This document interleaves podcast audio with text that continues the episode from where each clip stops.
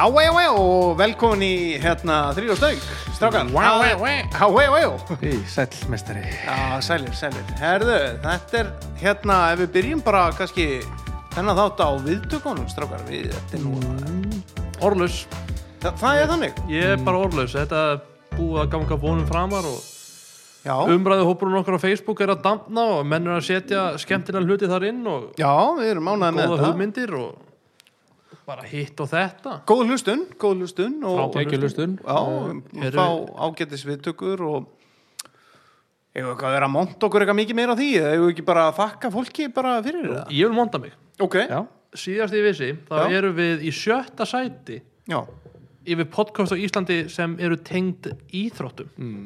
Þetta eru allir miklu. Já, það sést á bjórbumbunni minni. Já En þá viljum við kannski þannig að við kannski höldum þessum standard að þá viljum við endilega byggja fólk um að læka eða sem ekki læka heldur subscribe á, á síðuna sem Já. það hlustar á gefa okkur stjörnu og ef það nennir að skrifa eitthvað um já, frábært hérna Já, já, eitthvað, hérna, ég bara ég hef aldrei á æfinu hlusta á jafn skemmtilegt hérna, þetta er nú það skemmtilegasta sem að it's the best thing ever in the world og hérna, á ennsku helst. Já, og þú veist, og það er hitti mannum daginn og hann sagði bara, ég hef aldrei á æfinni hlust á, nei, ég er hann. En bara ef, ef, ef að fólk nennir og vill vera með okkur í þessu þá bara, Bara þá þætti okkur afskapla vænt um það, ef þið nennið að hérna, subscribe læka, Séra. séra deila, gefa okkur stjörnur á, á, á, á þessu sem uh, veitum sem að fólk hlustar á. Það hjálpar okkur og það hjálpar þá ykkur í leiðinni. Mm. Akkurat.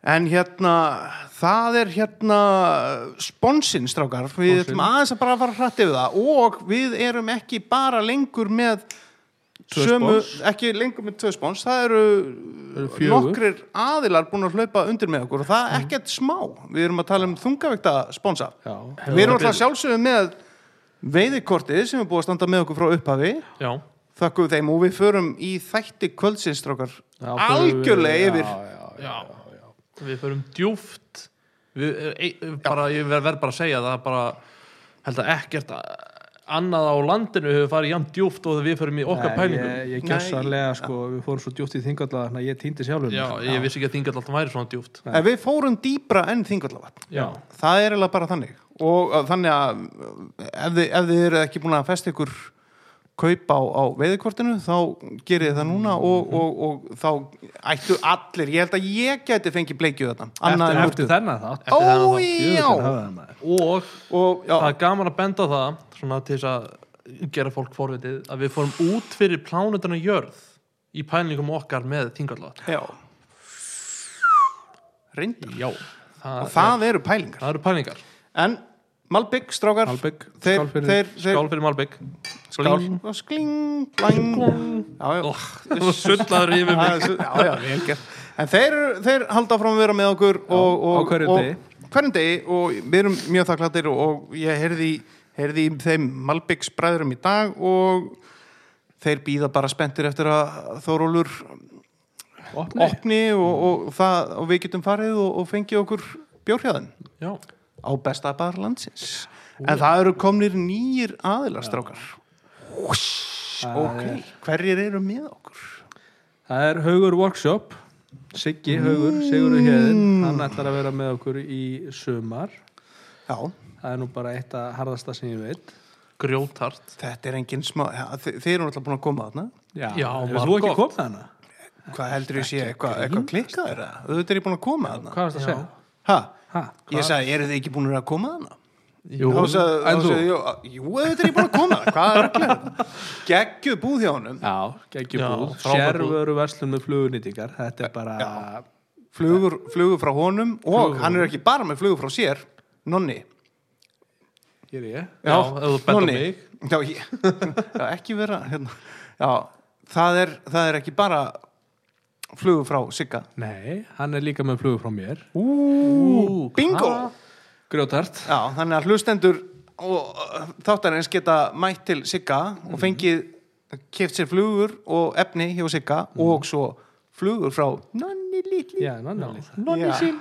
Nonni sinn Það er mjög, já, ég er bara mjög, hérna, stoltur og ánæður af því. Já, og þa þarna fá, fá, fá nýtara, ný, ný, nýtingaperrarnir allt sem hægt er að fá. Já, svona nokkuð veginn. Og, og ekki, sko, það er líka svo mikið snildu sigga, sko, að hann er bara þú getur spurt hann um nánast hvað sem er og hann bara segir Já. allt sem hann veit um það. Já, og maður yfirleitt fylgir jafnvel góð veiðis í það kaupæri er ein, ef ekki tvær, sko. Sem er já. bara alveg ekki, sko, ef að maður fíla það, Já, bara já, já, já, en svo líka bara hægt að vera fúll og fara bara að kaupa bara ekki yrðamannin, sko.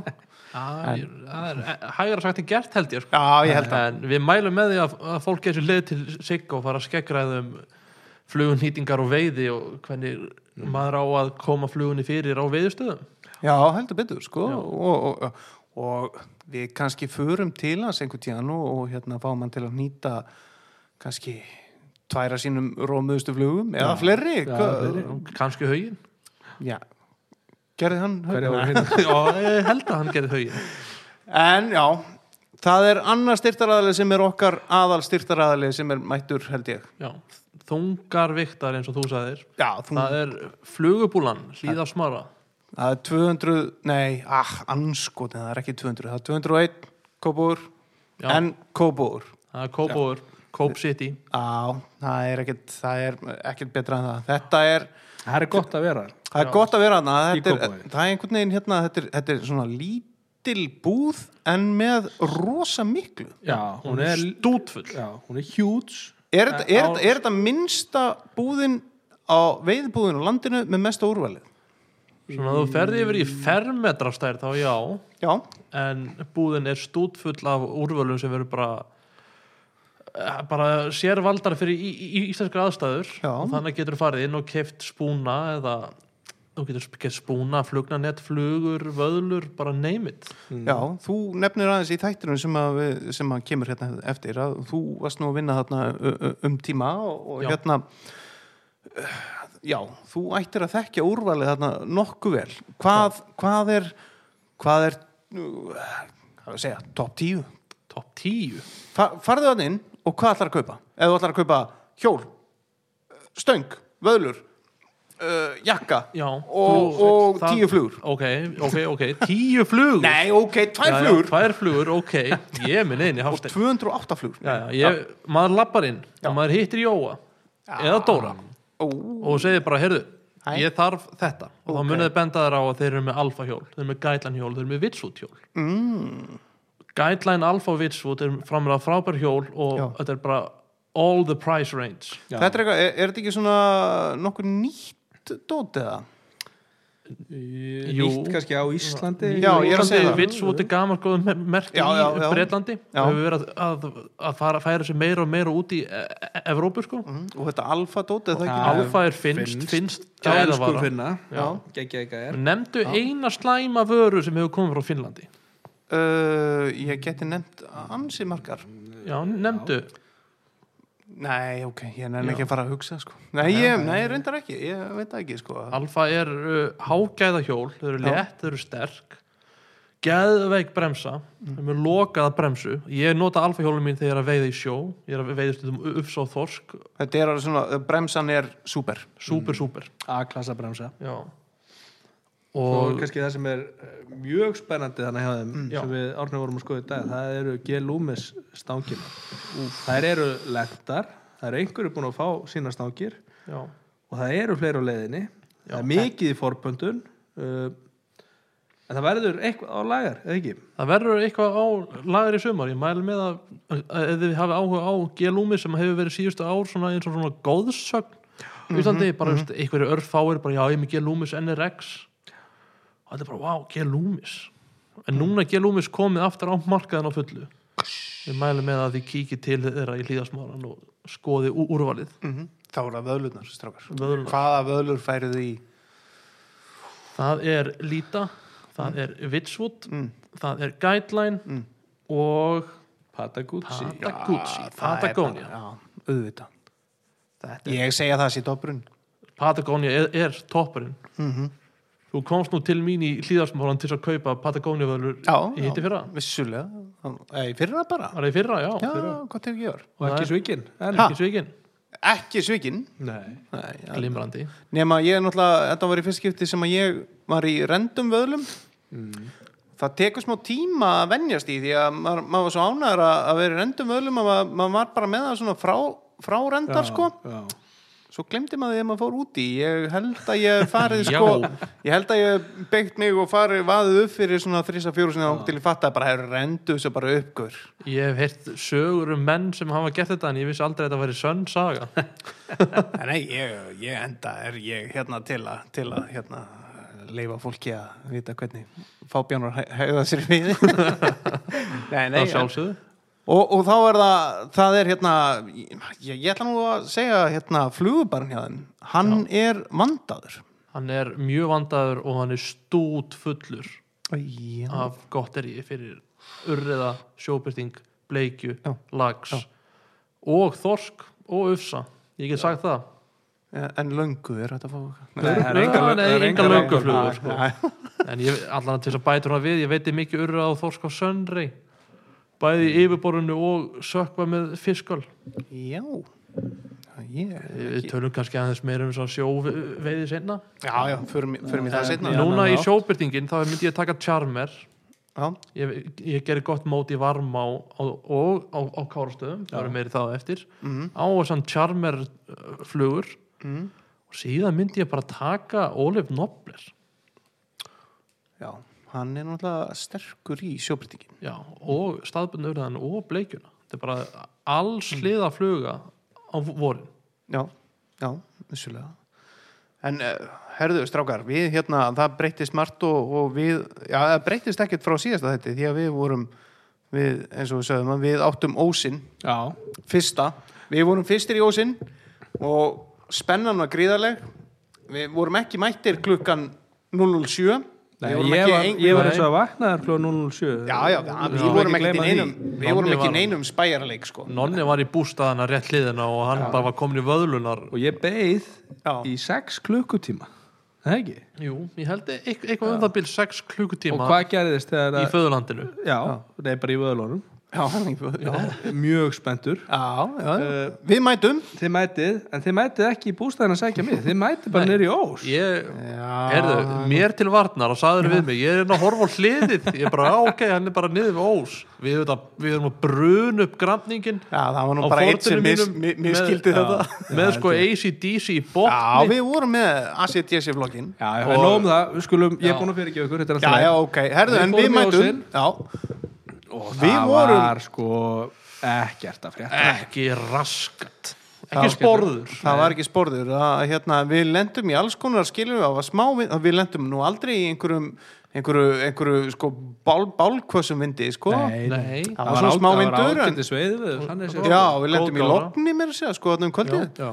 En það var engin En- fiskur. nei, og, hann, og eh, áin var ekkert að grafa sér niður þannig að hún var allstaðar jafn djúp að kom hverki einhver svona á og líka bara ísin var yfir ósnumörglu um nóttina.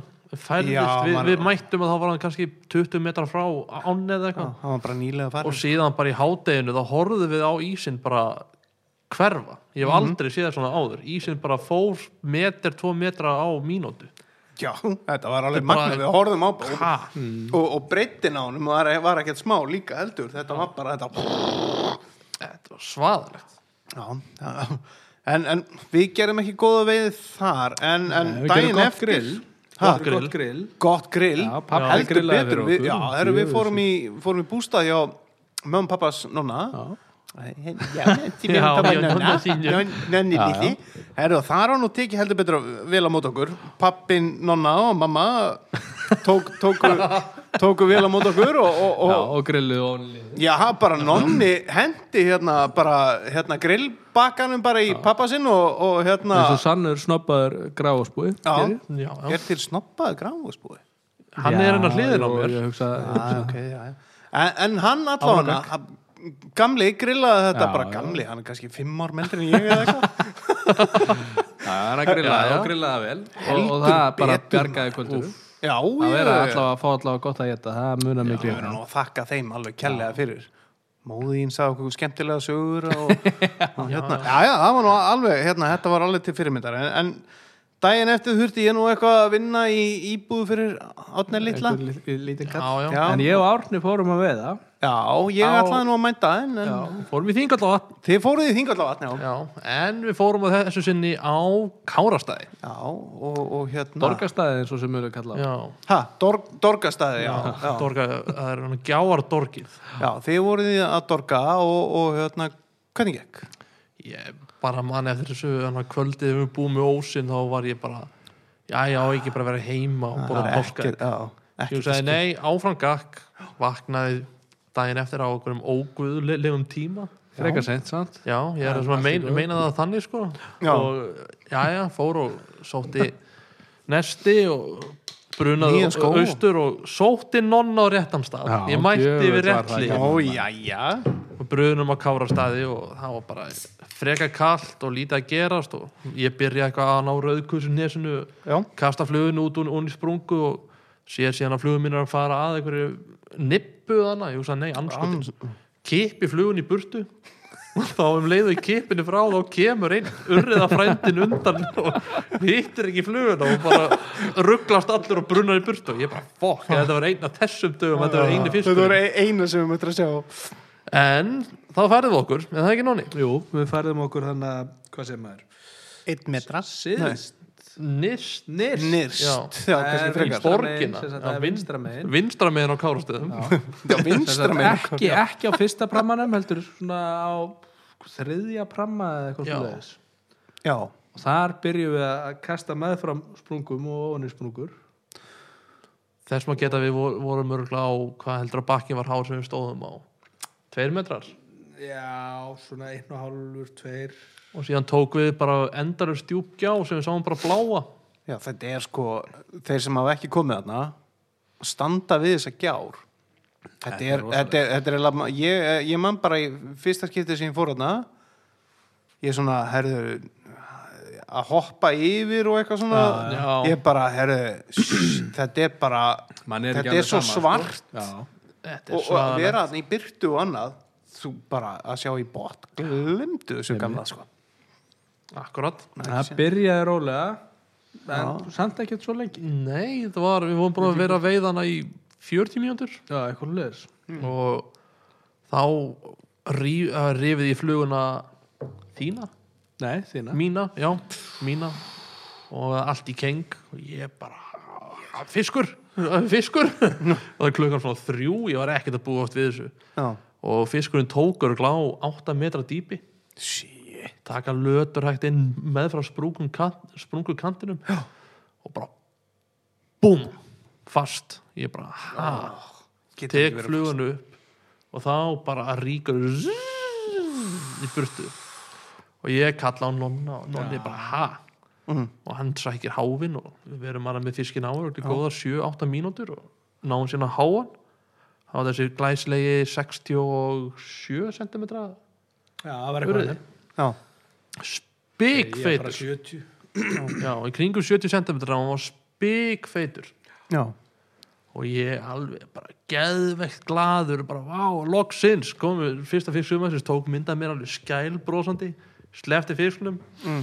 þá horfir nonni svona á mig þar upp í bíl og sæktu nest. Ég bara, ha? Já, fara upp í bíl, sæktu nest og bjór fyrir mig. Já, fer ég á stað eitthvað svona, sný mér við og ætla að lafa af stað og bara, hei, fiskur! Já, va? ég bara, nei, geðveikt, sný mér við og bara, dusch sleið telvitin nei. 15 pún- punta Flúorkarbon. taum, já, ég sagði við þið, ekki nota 15 ég punda mun taum á aldrei nota minna en 20 Ég var með 24 punda Va- en, en heldur þú að þetta hafi verið einhver hann sleit í sko efri lúpunni á tömnum sko. Þannig að þú veist, hann ha? Á, Já. á, nei, þetta var ekki kónisku tömur nei, nei, þetta var 15 punta streit bara. Já. Það er en, líklegast en sleit hann upp í, í já, í lúpunni. Þannig að sko Það er líklegast að hann hef, hafi þetta var farið utan í sennilega 30 punta fiskur. Já, Það er mesta 30-35 líkur á því. göngum út frá því. Já, og hann, hann stal hérna stærstu maribú slummunni sem ég átti. Og ég ætla að fara aftur á sunnudaginn og, Og ná sækja henni. þennan djöfum já. já, þú ert að fara á sundaginn já, ég ætla ekki, þetta er dýr fluga sko. já, lengi að gera hana já, En það eru alla líkur á því að fiskurinn hafi farið með taumiðin út nei, nei, ok. Nei, Nei, bara var sleita og risastórt. stór, já, já, ok. Skulum ekki þurfa að ræða það meira. En eftir þetta þá hlusta ég á nonna bölva og segja að ég sé ömulur og háfa og eitthvað svona já. bla bla bla og Já, þá fer Rétt ég upp í bíl og sækir nestið. Já, kem tilbaka með nestið. Já. Og bara, komi nonni minn. Og hann bara, já, flott. Já, nonni. Og búm, Nei, þá og, er hann á. Þá er hann á. Þá er hann á. Ok, ok. Já, Og- já, hann var áfram. Þá var hann á. Þá var hann á. Já, það var ekki 30 pund á djöðlinn sem var með Nei, fluguna í þetta var hérna litli frendars Já, Það var einhver 7, 65 eða eitthvað. Hann ekki 69 69 segið það. Já, og það var bara því lík gleðistund já, að hérna að hérna, að hérna ná því Já, uh, Já, og uh, síðan bara löndum við honum og tókum myndir og höfðum gaman og sestum síðan í móa og höfum það gott og borðum góðan mat. Já, já, Nonni fekk sér bjór og ég fekk mér kristall. Kristall? Já, kristallin góður. Mm, Og, og nýmalbygg síðan fór ég bara aftur út. Mm. var eitthvað svona la la la og kortir seinna rifið í. Annar fiskur bara við erum komið búin að setja í fjóra fiska á klukkutíma.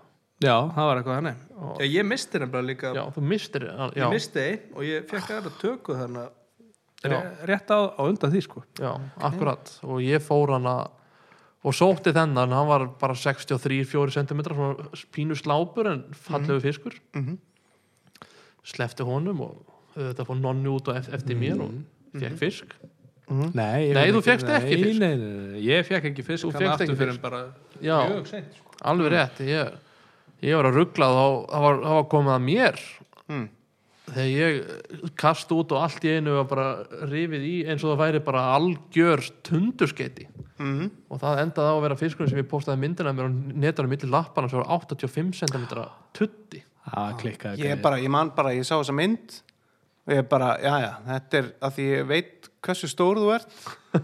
Og þetta virkaði allavega eins og fiskurum væri sko aðeins upp fyrir sko ekki punkaldu tippi já, já, og, og niður fyrir sko hérna ökla þetta var sjónunni blekti pínu en veist, ég er 1,91 Já, og ég er lappa langur. Já, ég sagði við konuna, erðu hann er, hann er búin að landa svona 110 cm fisk Það var ekki svo gott. Nei, ekki svo gott. Nei. En Þetta var samt geggjaðu dagur. Já, þið áttu, með þið áttu góðan dag þarna. Já, já, enduðum í 5 Það er bara, Á eina stöng á eina stöng.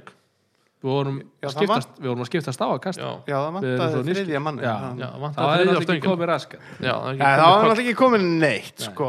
En þú fórst aðeins í varmá líka. Já, ég fór í varmátt daginn eftir. Já, förum bara snögt yfir það. Já, það var, já, ömrönt viður, það var bara strekkingur upp ána og ég endaði með að vera veið- veiða bara með sökkend og streamer sem ég gerir mjög sjaldan já, en já. það er neyðin kennir naktir konu að spinna ekki jú, jú. og uh, ég fekk þrjá fiska sjálfur og stæðisti var 73 cm tutti Það er bara sturlað sko. tók einmitt svona charmer streamer upstream Já Ú, geðveikur. Þetta var að langt síðan ég verið timdur niður á að fiski. Ég, ég, já, hann tók, hann bara tók fluguna Og svo og ég bara, af ég brá við og hann var bara stopp.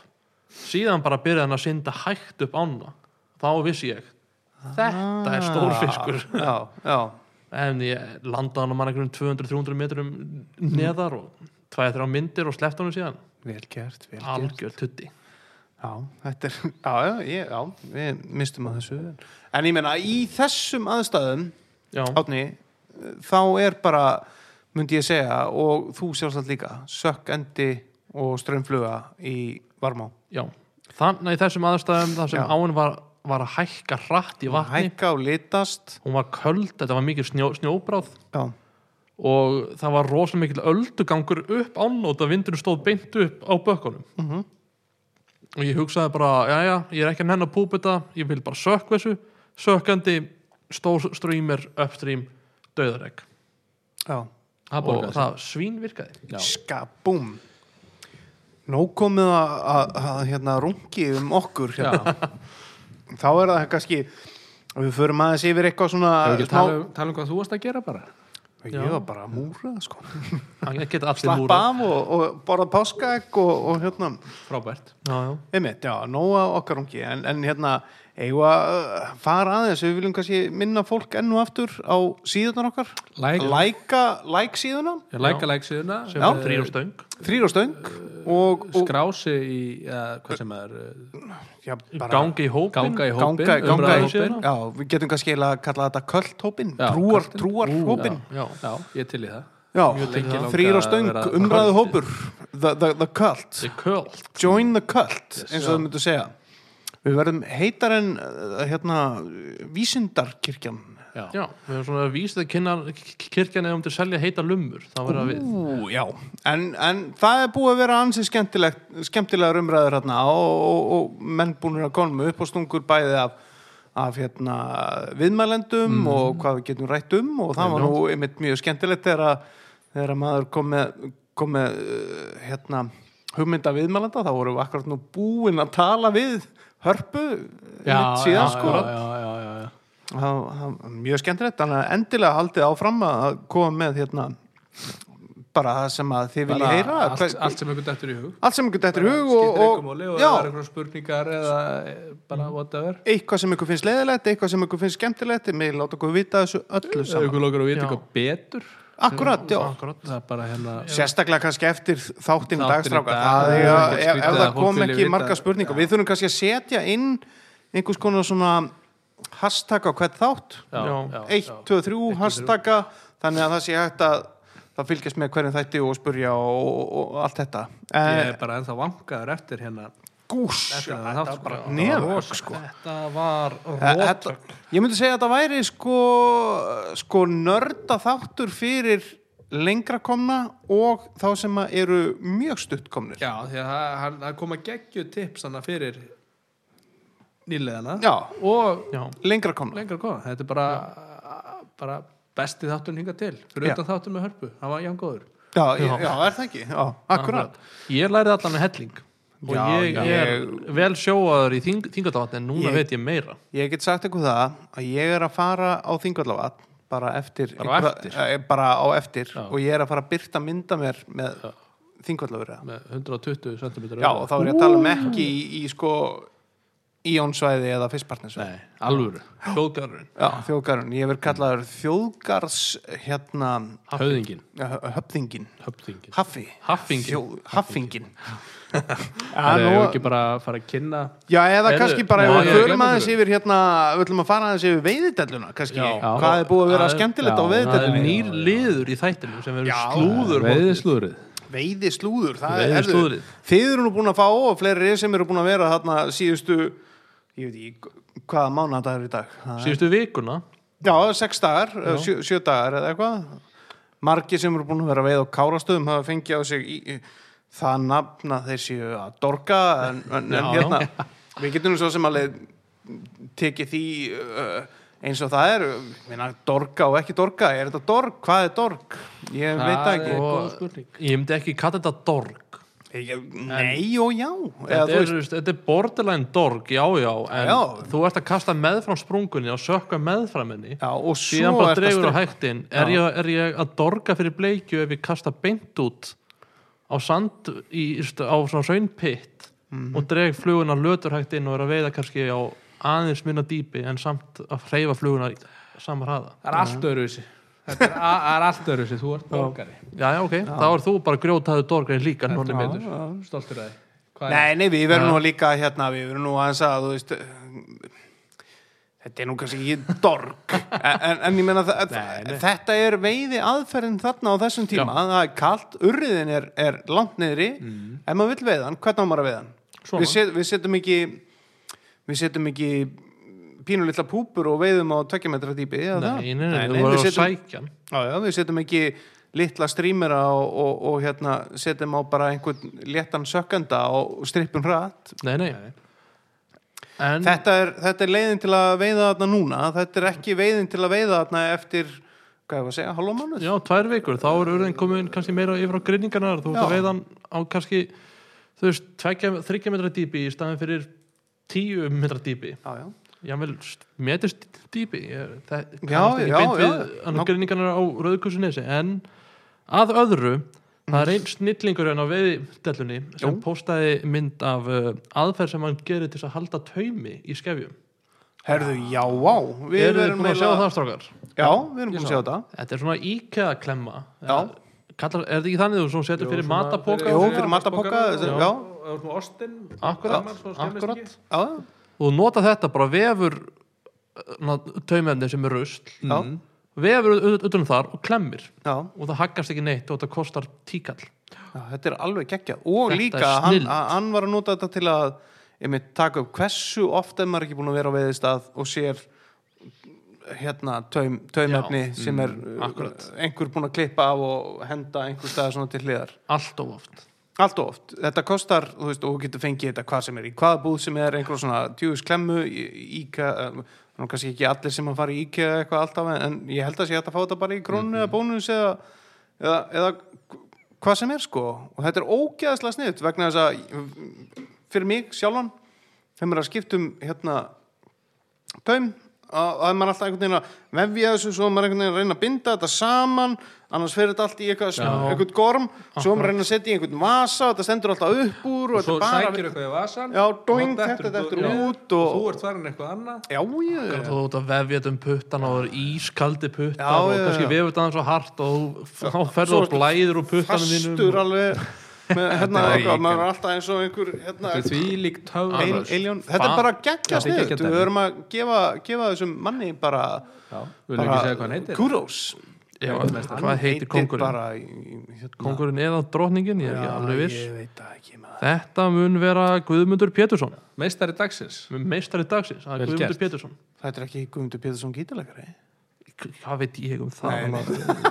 Hvað veit ég? Þið veit ekki Guðmundur ég, jú, jú, hann, hann kann auðvitað gítar ég er, Þetta er ekki Guðmundur Pétursson atvinnur gítalegari nei, en En, að öðrum meistara Já, það er Ísbrjóturinn Iceman, já, Stefán Sigursson sem er bara með sko ég ætla svona að áætla að þessi spýta hafi verið svona 90 kíló sem var notað til að brjóta ísklumpanir leira já, þetta er það harðasta sem ég hef séð. Þetta Já. nagli maðurinn mætti morgurinn rústaði bara öllum ís og ánni hann alla og mók veitti eftir það. Já, hann byrjaði hann byrjaði upp á 16 Já. og svo bara braut Nei, já, þetta var nei, hann bara shit maður, það var hann einmitt myndaði með það sem að Já. Stefán var bara, þetta var bara eins og hann einmitt, hann held á þarna 90 kíló klumpi já, og svo bara var hann að hamra þetta niður.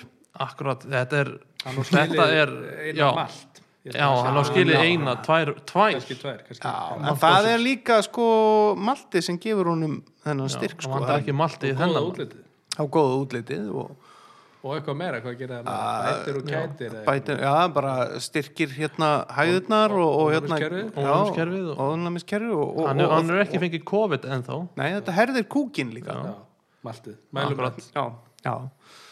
Sú kúkin, já. Sú kúkin, já, já, kemur betra því það kom betra því en, var eitthvað meira hérna á, á viðdællinni sem að við getum svona Það eru menn að raða í fluguboksinn og það vantar svona eiginlega allt þetta gamla góða slúður sem maður sækir í þessum hóp en já, röfl, menn það eru meira já, röfl. röfl og tuð. Við óskum eftir því að menn röfli aðeins meira. Já, já, það kom hérna einmitt með dorgið sko, ég var rosa Já, ánægð með það. það var svo Það ekki sko. nóg mikið Já, það það eiginlega öll bara að svör. nefnt enginn að ansa þessu sko. Já, e, jú, jú. Já, svona Það er bæði bara og verið gaman að menn er fara að æsa sig aðeins meira sko. Já, ef einhver væri búin að opna 2-3 malbygg og Já, segðu. byrja þeir sko en, en, en hérna hefur þá kannski bara snú okkur að þáttinum það held ég. Það ekki? Strákar, þetta var þetta var ekkert smáis við vorum meðan Jakob Sindra Þórisson. Þórisson og þetta var nú Ég held að ég hef ekki Vá. lært svona mikið á einu degi bara síðan ég var í já, grunnskóla er það ekki? Ég er bara, ég man eftir hérna líffræði tímaði mitt í áttundabekk sem ég lærið aldrei Já, mm. ég held að ég hef ekki lært jafn mikið síðan sko. Var, það, var það nokkuð kinnfræstu tími eða? Nei, það, nei, nei, það var bara, nei, nei, alls ekki, sko, ég kann ekkert í því. já, já, ok. Uh, en, en hérna, nei, þetta var, við fórum, við fórum aðeins yfir, yfir bara hans veiði dót og eða svona þetta hvernig, hvernig allt byrjaði og eitthvað. En svo var farið í þingvallavatn og við fórum líka yfir í kinnfræðslu fiska í þingadafni Já. Já, við fórum náttúrulega aðeins yfir í kynfræðsluna. Þú, Já, lær, þú lærði helling þar. jú, jú, vissulega. Ég lærði meira þar heldur en í kynfræðslu í Þetta er grunnskóla. ekki svona í alvörinni sem sagt, upp á landi. Nei, Nei, nei, þetta er bara Já. í dýpinu. Já, við fórum til dæmis í, í, í það. Hvernig, hvernig hægt er að þekkja mun á, á, á hrygningafiski eða geldfiski og annað og, Já. og, og hérna hvað fórum við ekki? Við fórum í flugur. Hann er náttúrulega geggjaður flugunýtari Já, já, Já, við geggjaða flugur Já, með allt öðru í sér flugur heldur en að það, öruglega er ekki, það er ekki margir sem er að nota þess, ja, sko, það er að aukast en, Já. en hann var svona öruglega með fyrstu sem ég sá í þessu sko. Já, það er pínu í tísku núna að segja sko less is more Já, En það hann er ekki svona- S- S- Jakobi sko. það, það er minna punk það er meiri, meiri fáun Já, þetta er svona meira svona í staðan fyrir að nota 2-3 hár þá er þetta að slátra sjö kanínum fyrir tvær flug Já, það mitt, já, þetta eru sko þetta eru, hann er að veiða á sko svona 10 til 25 cm Það eru alveg slumur. Já, já, flugur. Og, flugur og, og það eru náttúrulega fáir sem að veiða ja, vel og mikið og hann þarna á, á, á þingvöllum og, og þetta virkar. Svínvirkar. Og við fórum líka aðeins yfir náttúrulega, hann er náttúrulega búin að gera stórkostlegar svona hvað ég að segja, stuttmyndir eða þætti já, eða vídeóverk, já. já þetta eru bara já, lista, svona lista Vei, veiða, veiði já. fórum aðeins yfir það. Og, og við fórum líka aðeins yfir bara hérna já, hvað fórum við ekki yfir? Við fórum yfir á nýtingarnar og, og hérna já, Fórum við fleiri veiðkorsvötn og búnaðin sem hann notar og já búnað tækni og Tækni. skemmtilega sögur ef, ef við ekki bara byrja þetta þátt. Já, er það ekki, við bara eins og, eins og við segjum, þá segjum við bara skiptum yfir í, yfir í hérna betri stofuna. Mhm. algjörlega. Og bara sjáum ykkur uh, þar. Já, bara eftir eintur og eitt er og búm Já, þá segjum við bara Jakob Sindri, velkomin í, í þrýr og stöng. Já, takk fyrir að taka móndum mér. Það er bara okkar að heiðurinn og, og, og hérna, gaman að, gaman að fá þig og, og hérna, því að ég held að hlustendur og áhverju verði örgulega margir, eh, margs vísari strákar eða ekki við að fá Jakob hinga til okkar. Jú, ég er ansir hættur um það Já, þannig að kannski, kannski við byrjum bara svona förum uh, bara svona hvar þú byrjar að veiða og hver, hver, hver ertu og hvaðan kemur og af hverju ertu að veiða? Bara örsnátt Já, ba Já, bara örsnögt, máli. svona, já. Uh, já, ég hérna, byrja á bakkanum við uh, Haugullands á Efri. Uh, fjölskyldan var með hann á, á leigu í einhver tíu ár þegar ég var bann. Og uh, þar ólst ég upp við það í raunni bara að, að veiða sjóbleikju og hérna, og uh, já, komur að segja, maður var svona, hann sé duglegur með maðkinn og, og flótoltið. Já. Og hérna, þar eru kannski svona fyrstu kynni við þessu svona upstream eða andstreymisveiði. Ég var núna ansi flinkur á að renna uh, svona litlu maðki uh, beint á, á bleikitóruna sem lágu þarna sérstaklega neðarlega í áni Já. og jósnum. Deadrifta maðkin Já, alveg, alveg, það, þekktu fyrir það maður sjá, sko, sá bleikjurnar bak við uh, einhvern bakka eða undir einhverju torfi og þá kasta maður mitt alltaf tveimur metrum fyrir ofan sko, Já. og svo bara rann það beint á þar og það var bara eins og við mannin mælt að það var alltaf tekið sko. Me, me, með flótolt og Já, já, já, með flótolt, svona nett flótolt sko. og þetta er núna, bara verið með þingapapapar bara. Já, já, já, já, algjörlega og núna gerur þetta bara með tökvar á skörmi Já, já, einmitt uh, ég, Já, skörmi virkar við skulum segja það, en, en hún fer sjaldan undir hjá mér. Já, en, en, það en hún það það ekki? meirum það síðar. Já, meira það síðar sko. en, en hérna, þarna eru svona fyrstu kynnin og, og þar er mitt uh, líka dreigi mitt fyrsta lagsin sem ég veiði á, á land og, Já. og það var mitt uh, líka á buffið þannig að maður var svona dóldi í þeirri veiði Var það, það fulloninsbuff? Já, það heldur betur og, og nóga sökkum það 5-6 lagsamaðkar og Já, já, já, já. strömsökkum þetta var, þetta var alveg rosalegur biti sko, og fínasti lags Já. og rosa gaman þannig að þa þar elst ég upp og, og svo þegar þessu sleppir þá kemur svona smá hlje í veiðina. Eh, Það fara tíðanbíl eða, eða, eða bara tíðanbíl eða? nei, bara af því að aðgengið var einhvern veginn ekki eh, meira. Uh, ég fór alltaf með pappa í einhverja ferðir í einhverja lagsveiði og það var alltaf á kannski svona ekki á prime time. Þannig að þetta var svona septemberveiði þannig eða júni eða og bara kannski síðri lagsveið án þannig að það var svona pínu tregveið oft og uh, erfitt. Það, var, það var í rauninni bara gaman að fá einn, jafnvel tvo. Já, og ég man mjög vel eftir því einmitt, þegar ég veiði loksins fyrsta sko, fyrsta lagsin í, í ferð með pappa í Laugardalsáni og þá var það einmitt uppstrím á Peacock.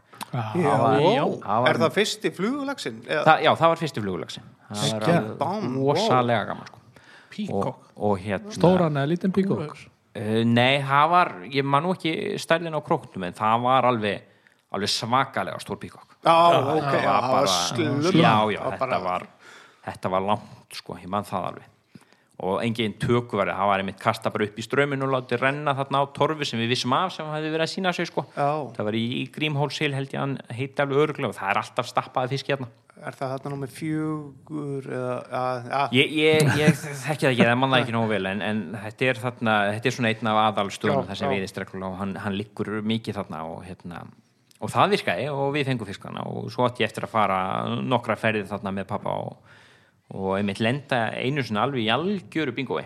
En þá var ég orðin færari lagsfiði flugumadur sko og Já. þá vittum við allt á hits. Það, Já. það svínvirkaði sko. Píkokk hits. Já, ekki.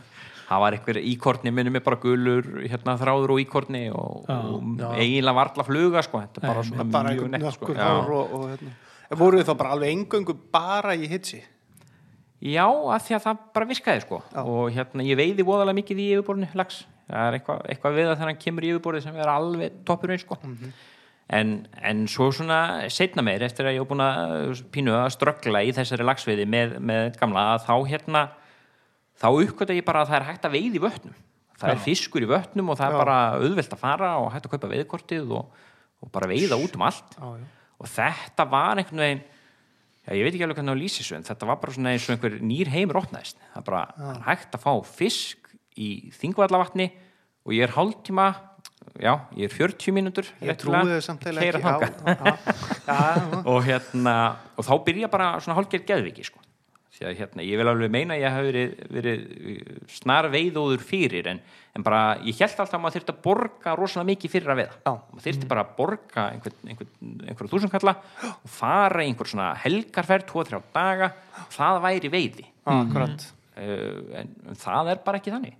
Og hérna og síðan þá hef ég bara verið ofvirkur í öllum veiðvötnum landsins og, og fyrir reglulega í ár líka en, en ég myndi segja svona að ég sé fyrst og fremst í vatnaveðinni mm -hmm. eigði mestum tíma mínum við, við bakkana já þá í Þingvallavatni og Hraunsfyrði og Ellegavatni og, og þessum helstu vötnum Já, já, já.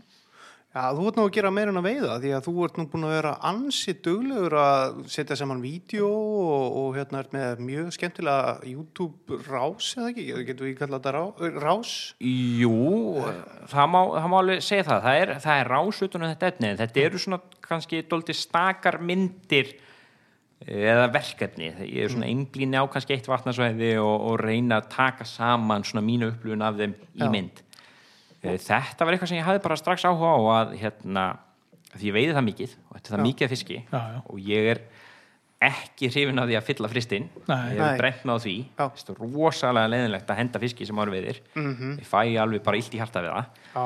þannig að e, þá var bara næsta skrif einhvern veginn að bara sleppa og einmitt að sleppa fiski sem aðrir er svona já, hnussa yfir og, og skilja ekki dímani en, en bara, þú veist, einmitt bleikju og, og fleira sem, sem enn hafi ekki mikið skilning á að sé sleppt Nei, nei. en það er í rauninni bara því að ég er að veiða það mikið að, að það er bara ekki plásið frist Og, og ekki bara einu sinni hjá ættingum nei, þetta nei, líka, nei, sko. nei, nei. Það, það fá allir nóg og hérna, þetta er bara miklu meir en, meir en nóg fyrir, fyrir alla ættina sko. þannig að hérna, uh, ég var einhvern veginn að finna aðra leið til þess að hvað maður að segja uh, deila uh, já, hvað maður að segja? Þegar maður veiti fisk hér í gamla dag þá kom maður með hann heim. Já. maður síndi hvað maður veiti og það var eitthvað svona einhver hluta veiðin að sína hér er eh, þessi fiskur sem ég veiti og, og, og hérna afrakstur veiðinar Aha. ef maður er ekki með mynd sko, þá segir þetta bara já, já, einmitt. Já, akkurat, nákvæmlega. Þannig að þetta er einhvern veginn hluta því að taka myndina, eiga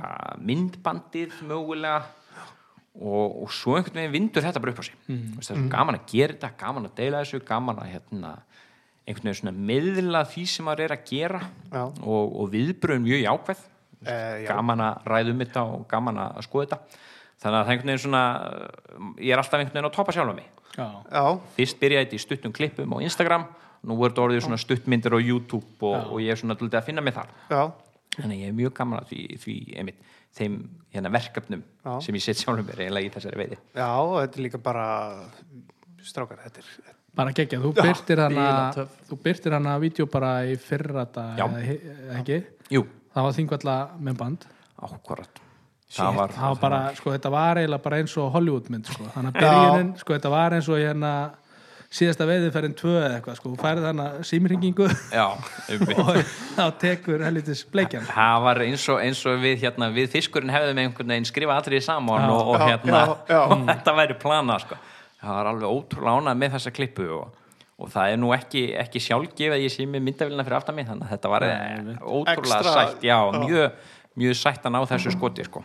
maður kannast alveg við það, sko úst, ég kefti mér aukt í hann myndavel hún er, er nú hérna á borðinu, sko, og ætlaði að vera að taka myndir og vera alveg á fullu, sko. Svo er hún bara alltaf út í bíl þú veist, er, var ekki erfitt að byrja einhvern veginn, þú veist, að taka þið, taka þið upp? Já, muna þetta allt og, eða svona, já. Já, ég myndi segja að þetta sé líka ákveði ferli sko. ég byrjaði náttúrulega bara alltaf með GoPro-vélina á kassanum. Og, og það var eiginlega svona fyrsta skrifið að hérna kaupa bara nóga batteríum þú veist, eiga í rauninni allt myndefnu í kamerunni alveg frá því að ég sko kasta í rauninni fyrsta kastinu þannig að það eru fleiri, fleiri klukkutímar af efni Já. þar sem er ekkert að gerast sko. Nei. Þú veist, það er bara einmitt einhver, einhver hérna, einhver tökuvari að renna hérna í 10-20 mínútur áður en fyrsti fiskur tekur sko. Já. og uh, góða við þessar GoPro-vélar er að maður getur mert momentin Já, Þannig að getur þarf- eitthvað pönns eða já, já, þannig að ég þarf ekki að leita sko. þannig að ég hérna í rauninni fer heim og það fyrsta sem ég ger eftir veiðiferði er bara að sortira þú veist, hvar er eitthvað að gerast Já. og eyði hinn út. Einmitt. og svo sapnast þetta bara fyrir á, hérna, á hörðum disk og, og býður bara eftir því að ég ger eitthvað við það. Og hérna og efnið eftir síðasta sumar eins og ég, eins og ég hérna, komið að ég náttúrulega lifi þarna við þingvallavatn yfir sumurinn þannig að hérna, þetta er alveg gífurlega stórt myndefni. Og uh, ég sá einhvern veginn ekki aðra leið út úr en að klippa þetta niður í, í smámynd. Nei, það var einhvern veginn ekki hægt að gera þessu eins og ég hafði kannski gert árið áður þar sem ég var svona fókusera á aðeins minni ferðir. Veist, það var einhver vorveiði einhver Mm. urriðaveiði uh, einhver tilvílunarkjönd heppni þar sem ég lenda á urriðum hásumar. Já, já. uh, það var eiginlega ekki hægt að fara þá leið í núna. Þannig ég svona kleipta saman í stuttefni og, og hérna og svo er maður alltaf að læra í þessu alltaf að átta sig einhvern veginn betur að koma þarf að hafa í svona viðbandi Hvað hérna, hvernig finnur fólk þið á YouTube? Uh, það er í rauninni bara nafnið sko. það er bara Jakob Sindri Þórsson uh, þetta er nú já, maður kannski hugsaður þetta ekki þegar maður byrjar að þetta verði einhver rás Nei, nei. heldur var þetta bara, þú veist, þetta var einhver aðgangur sem ég fór að deila efni inn á mm. þannig að það er bara Jakob Sindri Þórsson og, og getur flettið upp og þar lendir þið inn á, inn á tveimur rásum, það er sem sagt efni frá því fyrra og svo efni frá því ár Já, Já, já, já. Gekja. já, þetta er allan að Við erum byrjar að tala um þingvelli og kannski bara demba okkur í þá eða? já, við, endilega ekki. við ætlum að fara að reyna að krefja þetta vel bara hérna fyrir þennan bæði kannski þennan veiðmann sem er kannski mjög reyndur, kannski við getur aðstofa átna eitthvað þarna eða nonna og, og svo svona bjána eins og mig sko. Þannig að við kannski bara eigum að, hvað eigum að fara í, í bjánana fyrst eða, eða bjánana, Já, eða þá okkur, okkur sem að hefur ekki gengið vel þarna? Sko, spurningi hvort að Jakob Sindri sé hann er töframaður, hvort hann geti hjálpa þér eitthvað. Nei, ég veit ekki hvort það sé, það sé hægt að bjarga mér þarna sko, en, en svona þegar þú byrjar að fara þarna, hvernig og, og þetta, hver- hvert ferðu, hv- hvar lærur inn á vatnið, er þetta reynsla, er þetta sögusagnir sem þú ert að heyra og, Kannski, hvenar byrjar að veða? Fer, Já. Færðu bara 20. apríl? Uh, nei, ég fer ekki, ég fer ekki 20. april nema veðrið sílæg og þá horfi ég ekki endilega á veðrið sem er 20. april uh, ég horfi á veðrið sem hefur verið seinustu 5 daga, seinustu 10 daga Já, uh, ef það hefur verið hlýtt og gott veður og, og, og hérna, einmitt vel íslaust, það er náttúrulega líkilatrið þannig að, að þá er ég bara vongóður og, og mæti 20. apríl og er tilbúin í júriðaðina mm. En ef það er búið að vera mjög kalt að þá sleppi því frekar og býð býð fram í mæ og, og er ekkert að reyna að því að, að, því að þetta er e, maður getur alveg réttilega sagt að það þarf að hafa fyrir fiskum í þingvallavatni. E, þá er ég nú fyrst og fremst að hugsa um þjóðgarði já, uh, og þá þýðir það að, að maður þarf að eða klukkutíma þannig maður þarf að kasta oft, maður þarf að vera duglegur að prófa staði duglegur að prófa flugur, duglegur að prófa mismundi dýft og ég nenn ekki að- vera þegar ég einhvern veginn hef litla trú á því að fiskurinn sé á hreyfingu og sé í tökstu uh, þannig ég býð eftir pínu hlýjendum og þá fer ég að stað. Og uh, það eru einhverjir sem hafa gert góða veið að degi til en ég yfirleitt er ekki mættur fyrir en um kvöldmandaliti þannig að ég borða heima og legg svo að stað og veiði uh, fram í nóttina. Já, uh, ég hef líka vanum á það ef það er, ef það er mjög mikil aðsókn eins og er alltaf þarna fyrstu dagana að uh, þá mæti ég frekar bara eldsnefn um morgunin bara um fimm leitið eða sex eða, uh, já, kannski er ekki rétt að kalla morgun ég mæti um nóttina. Ég er að mæta á milli 2 og 3 Já, og veiði fram yfir hérna, þangar til að byrtir svona um 9-10 og þá í rauninni held ég heim og, og segi daginn góðan sko. Já. Já. Að þetta er í rauninni þannig að við getum sagt frá 8 til 2 það er þá kvöldvaktin og frá 2 til 9 það er þá morgunvaktin. Já, þannig að þetta eru svona, já, tímasetningar sem ég er og það þýðir bara kolniða myrkur og, og höfljós sko. Já. Já, já. finnst þér að detta niður hann um tvöleitið eða, eða Já, ég, myndi, ég myndi segja að svona um miðjanótt að þá sé lítið að gerast. Já, uh, það er uh, um sérst, við ljósaskiptin og, og hérna og þegar byrtir er mitt til að þá er sjansinn og jújú, jú, þetta er alltaf urrið á ferðinni og ef það er tunglskinn þá er hann auðvitað á, á, flegiferð sko. uh, en það er auðvitað bara krefjandi. Það er krefjandi að standa heila nótt og kasta og sérstaklega ef það er kallt, þá nennum því ekki sko. aðeins hérna þegar þú ert að velja þér veiðistæði. Ert, sko, ert, ert að leita að fiskum á hreyfingu, einmitt, sko, á grinningum eða ertu líka að fara í sprungunar og, og, og kafa honni þær eða, Uh, ég er eiginlega fyrst og fremst að leita fiskjárhefingu Já. af því fiskjárhefingu er að leita æti. Uh, þannig ég uh, ég einhvern veginn reikna með því að koma á greiningarnar á einhverjum tímapunkti Mhm. og passa mig þá, ég er ekki að vafa ekki nema þá bara ökla dýpi. Mhm.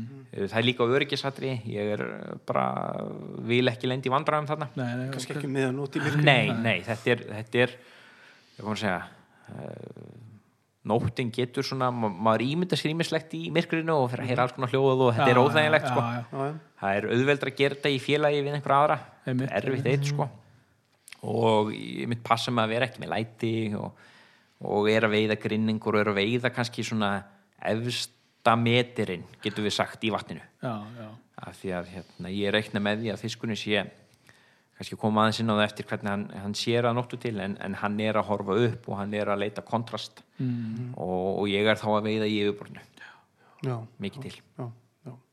ég kannast við það sko hann að með myrkrið á þingullum sko, það er helviti, ef maður er einn hana á nóttinni, það er helviti óþægilegt sko, vera kannski búin að vera út á leirut á hérna. Svo bara koma myrk og þú ert að labba heim og ég viltist einhvern tíma sko, mjög skrítið að villast hana sko, en, en það er hægt ég var bara hérna með vasaljós og, og síma minn og var á Google Maps að Já. finna út hvar ég var sko og svo er kannski heimbri með einhver djöðlinn eins og einhver úlfur og þetta er alveg eh, óþægilegt sko ég myndi skítið mig sko. Já, það gerði er margt, það er margt sem myrkri veit Já, algjörlega Já, sko. já. þetta er mjög óþægilegt og hérna og uh, í svona setni tíð hefur, hefur það verið skilirði konunar að ég sé með félaga þú ert með ekki- konu og getur alveg farið svona við Já, börnin, börnin sopnuð, hún sopnuð þetta, Já, já, þetta er samþygt sko, en þetta er ekki vinsælt. Og hérna og skilir þeirri mitt sko, ég var mikið að brölda eitt sko. Já. og þá fekk ég bara að heyra það þú, þú mátt ekki lengur vera eitt þú verður bara að finna einhvern. Það er alveg sama hver það er, þú verður bara að finna einhvern með þér.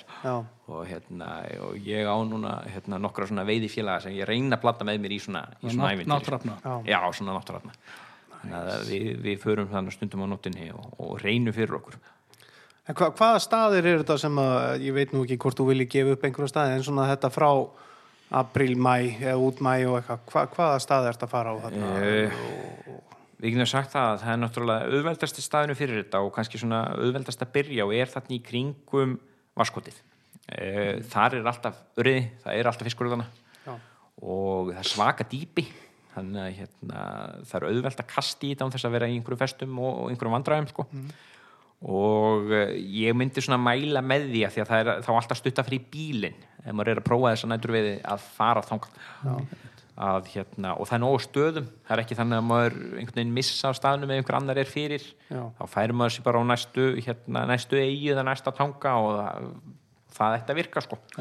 Og flugur á þessum tíma eins og, eins og þarna er litla púpur eða ertu með strömmflugur eða Eh, nei, ég- bæði bland? Já, ég veiði einhverjum á strömmflugur á þessum tíma. Það er bara stórar uh, strömmflugur uh, þegar það er ennþá bjart þá er ég kannski að leita að að hafa smá flassabú eða hérna eða svona hérna eitthvert uh, glít efni í flugunum. Uh, hvítar. Uh, svo þegar uh, hérna, dimmir að þá fer ég í bara einhverja svartar eða dökkar flugur sem eru bara kontrastavel eða þá hvítar með svona já, með svona einhverju dökku í en, en allt er einhver murtu líki þannig að þetta eru doldið stóra flugur.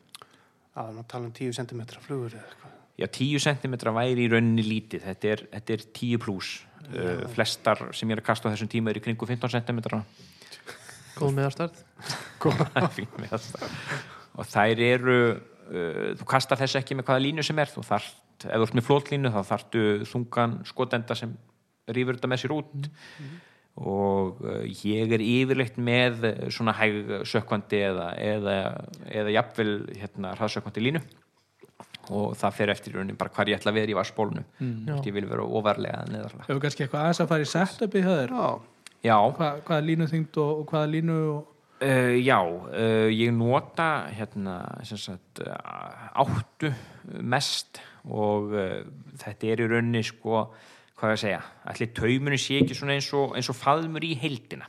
Og þá er ég með í rauninni sko 25 punta svona butt section fer þá niður í svona 20 punta 15 punta hérna taumefni.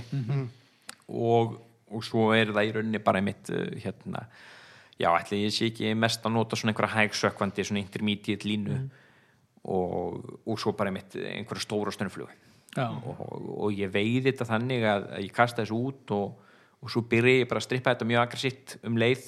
Eh, þetta er svona jerk strip þannig að ég nota strip, alltaf strip og, og kippa. Nei, ég nota svona- alltaf stöngina. Já. ég dreg aldrei línuna inn. En að Já, það og sem ég dregur bara inn slagan Já, Já. þannig að ég hreyfi stöngina og færa hann svo í upphafspunkt og tek inn slaggan á meðan sko. Það sést aldrei vel í nýja vídjónu hjá þér. Já. rétt um endan eða ekki? Akkur, Jú, akkurat, þá er mitt svona nætur veiði sko, og hérna, þá sést þessi vinna sko, það er mitt að toga og svo dregin slagan og um leið og ég færi eh, stöngina aftur og uppastreitt þetta er, uh, þetta er mjög algengt í svona saltvatsveiði og sér þetta mjög mikið þar. Já. og þar er mitt stemningin svipuð að uh, reyfa fluguna með þessari vinnu. Já. þú ert að fá ákveðið aksjón í fluguna ákveðna reyfingu og hérna uh, oft í þessu dauða þessum dauða tíma sko, þar sem þú ert að færa stöngina tilbaka og draga í línu að þar kemur neglan. Að því að flugurnar eru í rauninni að stoppa tíma, þær, þær synda mjög aggressíft. Allar flugur hjá mér eru með uh, haus sem hérna virkar eins og bremsa. Já, og hausinn stoppar og afturendin, þetta eru yfirleitt tvær flugur já, að hann heldur áfram, hann er með sama momentum. Já, þannig að hann tekur sveigju þannig að það er alltaf eins og fiskunni sé sko að stoppa og Og- taka stefnubreiningu og það er rosalegur trigger. Já. þannig að hérna þess vegna skiptir mála línan sé mitt í svona góðru, það sé gott connection við hérna, við fluguna. Og uh, fyrst þegar ég var að gera þetta, þá var ég að fá óðalega mikið af hérna, neglum sem voru ekki að enda í tökum já. Þannig fiskurinn neldi ég, var með slakan á var ekki með góða tengingu og svo var hann bara farinn sko. Já. þannig að þetta er, þetta er tækni en, en þetta fær tökur þetta, þú veist, já. þetta er nógu gott til þess að fá tökur en svo þarf maður aðeins að, hérna, að læra að bræða við já. og, og þarna er líkilatrið í viðbræðinu að þú sért ekki sko að, að trátsetta og Já, ekki lift upp stönginu sko. Nei, þú bara láta hann taka á já, hann tekur sko og þú þarft að rífa línu á móti. Já, Já. í, í það minnsta þarft að halda við línu já, af því að ef hann tekur og rífur flugun út þá verður krókurinn að fara það er mikið, mikið um hérna það er rosalega mikið efna á flugunum þú veist, er feitur haus og, og dádýr eða ull eða hvað það er og marabú fjæðrir út um allt sko. Já. og hann þarf einhvern veginn að, þú veist, að býta og svo þarf að draga krókin inn í, inn í hérna, já, munnvikið í raunni já, já. þannig að þetta er svona þetta er ákveðin tekni og maður verður alltaf betri og betri í þessu sko. Já, Svo, en ég myndi segja að svona húk reyti gæti verið betra. Já. það er, það er ofta snert á það sko. Já, Þess að- já, já, já. þess að skilir sér á bakkan sko. Akkurat, akkurat. Ég, ég man svo vel eftir því þegar þú komst til mín þegar ég var að vinna sem vestlumstjóri í flugubúlunni 2019 og uh, þú komst til mín og sagðir já, heyrðu ég er með svolítið skrítið en ég þarf línu. Ég bara, ok, nót, nót til að þeim. Sko, ég er að veiða með gömlum hjólum gamlu stöng og svona 20-25 cm löngum ströngflugum ég var bara, já. Og saði mig frá þessu og bara svona, svona, svona og síndi mig hjóli sem þetta fór upp á og ég bara, heyrðu, ég er með akkurat línuna fyrir þig. Guideline Coastal Fast Intermediate og er það ekki lína sem þú notar ennþá það er, það er ennþá uppáhaldslína mín. Já. ég nota hana, hana langmest og fæst í flugubúlinni og fæst í flug áfæst, eh, akkurat, akkurat. Það er hérna hún er alveg toppurinn, ég er rosalega rifin á henni. Hún svín virkar með þessu. Er bara, þetta er alveg rosalega góð flugur uh, með þeim fyrirvar og hún er frábær í vatnaði Já. já, uh, ef maður fyrir strömmvatn og ætla að reyna þessa sömu þætti þá þartu uh, þingri línu í rauninni. Að komast í gegnum. Er þetta meira álag meiri Já. uh, press á fluguna svona í ströymvatni þannig að það helst að vera það bara með fastsinging línu. Akkurat, nákvæmlega. En já, þetta er í rauninni þú veist, þessi nálgun þarna fyrst sko. Uh, ef það er kolniða myrkur já, þá reynir ég bara að vera með flotlínu en annars er ég langmest í þessum ljósaskiptum með þetta set þessa, já, já. þessa intermediate línu fer þarna vel niður og ég er alveg að prófa mislundi dýft í vassbólunum sko. ég prófa alveg upp í við yfirborðið og ég lefi svo sökva í alveg tíu sekundur líka og veiði botnin sko. Já, það já, er alveg já. bæði í bóði sko. hvernig en að hvernig, hvar byrjar þetta veist, þessar stóru flugur og, og kannski hvenær byrjar að músa fyrir maður út í það Já, Já. það er það er rosalega skemmtilega þeirra en ef við byrjum kannski, kannski fyrst í þessum stóru. Mhm. uh, ég var einhvern veginn búin að alltaf að sjá það eða upplifa það einhvern veginn að uh, spúna veiði menn voru alltaf að veiða stærstu fiskana. Já, já, og uh, það virtist vera eitthvað eitthva fólkið í því að vera með þú veist ég, meina, ef við séð bara sem að tópjana þetta er náttúrulega bara skrimsli sko. já. ekki með við fluguna þínar Hvað hefur ekki. séð fluguna þína? Já. Já, og það má alveg segja að það kannski komið setna það er, er stækka svona kannski með tímánum og maður fyrir að hafa trúað í meira að hafa þær stærri og þetta en, en svona kannski fyrst til að byrja með þá einhvern veginn var ég bara, ég var að sjá að, að spúna veiði menn voru að veiða yfirleitt mjög stóra fiska og meðal þingdin var mjög þung Já. og þingri heldur en strömflugu veiði menn voru að veiða almennt á og ég fór bara einhvern veginn að að leita á netinu. Hvað hérna, veist þetta hlýtur að vera hægt að gera með flugstöng þetta getur ekki verið. Þá kemur ljós bara að, að hérna, kanin er náttúrulega bara búin að gera þetta í einhver 40 ára veiða á einhver skrimsli og, og, hérna, og ég er að tala um bókstæli skrimsli veist, þetta, er ekki, þetta er ekki flugur, þetta lítur út eins og já, þetta er bara eins og jólaskraut sko, gult og raut og grænt og bara 20 cm langt og- kynlífstíflesur og rassaðabar Já, akkurat, nákvæmlega. Þetta eru flugurna sem ég er að hugsa um sko, að, hérna, að menn eru að fá fisk á þetta og þeir eru að fá svakalega flotta fiska og, og, hérna, og líka bara litla fiska. Bara 50 cm fiska sem eru að ráðast og 20 cm ströflugur og ég hugsaði með mér að, þetta lítur þá bara að virka. Þetta lítur að vera einhver, einhver fræði þetta bak og þetta lítur bara að virka og svo byrja ég bara að prófa þetta. Og, þetta sí, sko, skila strax árangri. Byrja, byrjaður strax með alveg svona góða slömmu eða byrjaður fyrst ég bara byrja, í svona ég einhverum byrja í 10 cm eitthvað svo leys Já, ok, já. og, og það- voru mjög einfaldar. Þær var bara, var bara langur krókur í raunni Já. mjög langur krókur. Og svo var bara hérna langt marabúskott lengra en maður hefur. Bara fjóri rex hérna já, lang. En vandamáli við það var að marabúfjæðurnar eru alltaf teknar af að hann bara geti þær bara. Já, hann bara tekur, hann tekur skotti Já. og hérna, ég gafst upp á því. Og næsta skref var að að nýta þessa dátýrshausa ég komst í hérna reyndir og ónýtt reyndir sem átti að henda. Já. og hérna nýtti mjög svona ljóta stóra dátýrshausa og tengdi wiggle tail aftan úr sem var 15 cm langt sem ég kefti AliExpress. Og hérna, þetta var eh, sem sagt bara einmitt stór uh, hvað heitir þetta, one-odd krókur. Já, já, 1-0 já, 1-0, já. Og hérna uh, fer einmitt með þetta í þingvallavatn.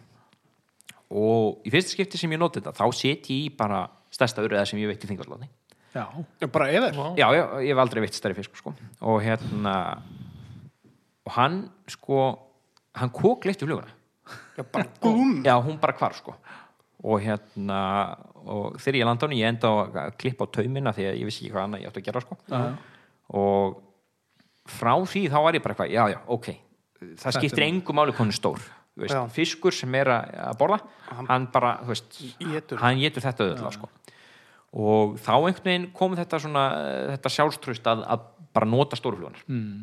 og hérna það bara hefur gengið vel og, og ég er ekki í þessu ennþá.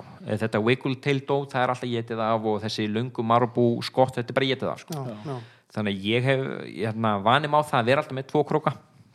Nálgast þetta þannig. Mhm. uh, ég veit að margir nota hérna, game changer mjög mikið. Já, já, og ég veit alveg þeir svinni virka. En ég hef bara upplegað það að, að fiskur sem ætlar að borða flugunina, Mm. hann tekur fremur krókin já, fiskur sem er eitthvað áhugasamur eða pirraður eða eitthvað, þú fær eitthvað svona reaksjón frá honum, hann tekur skottið.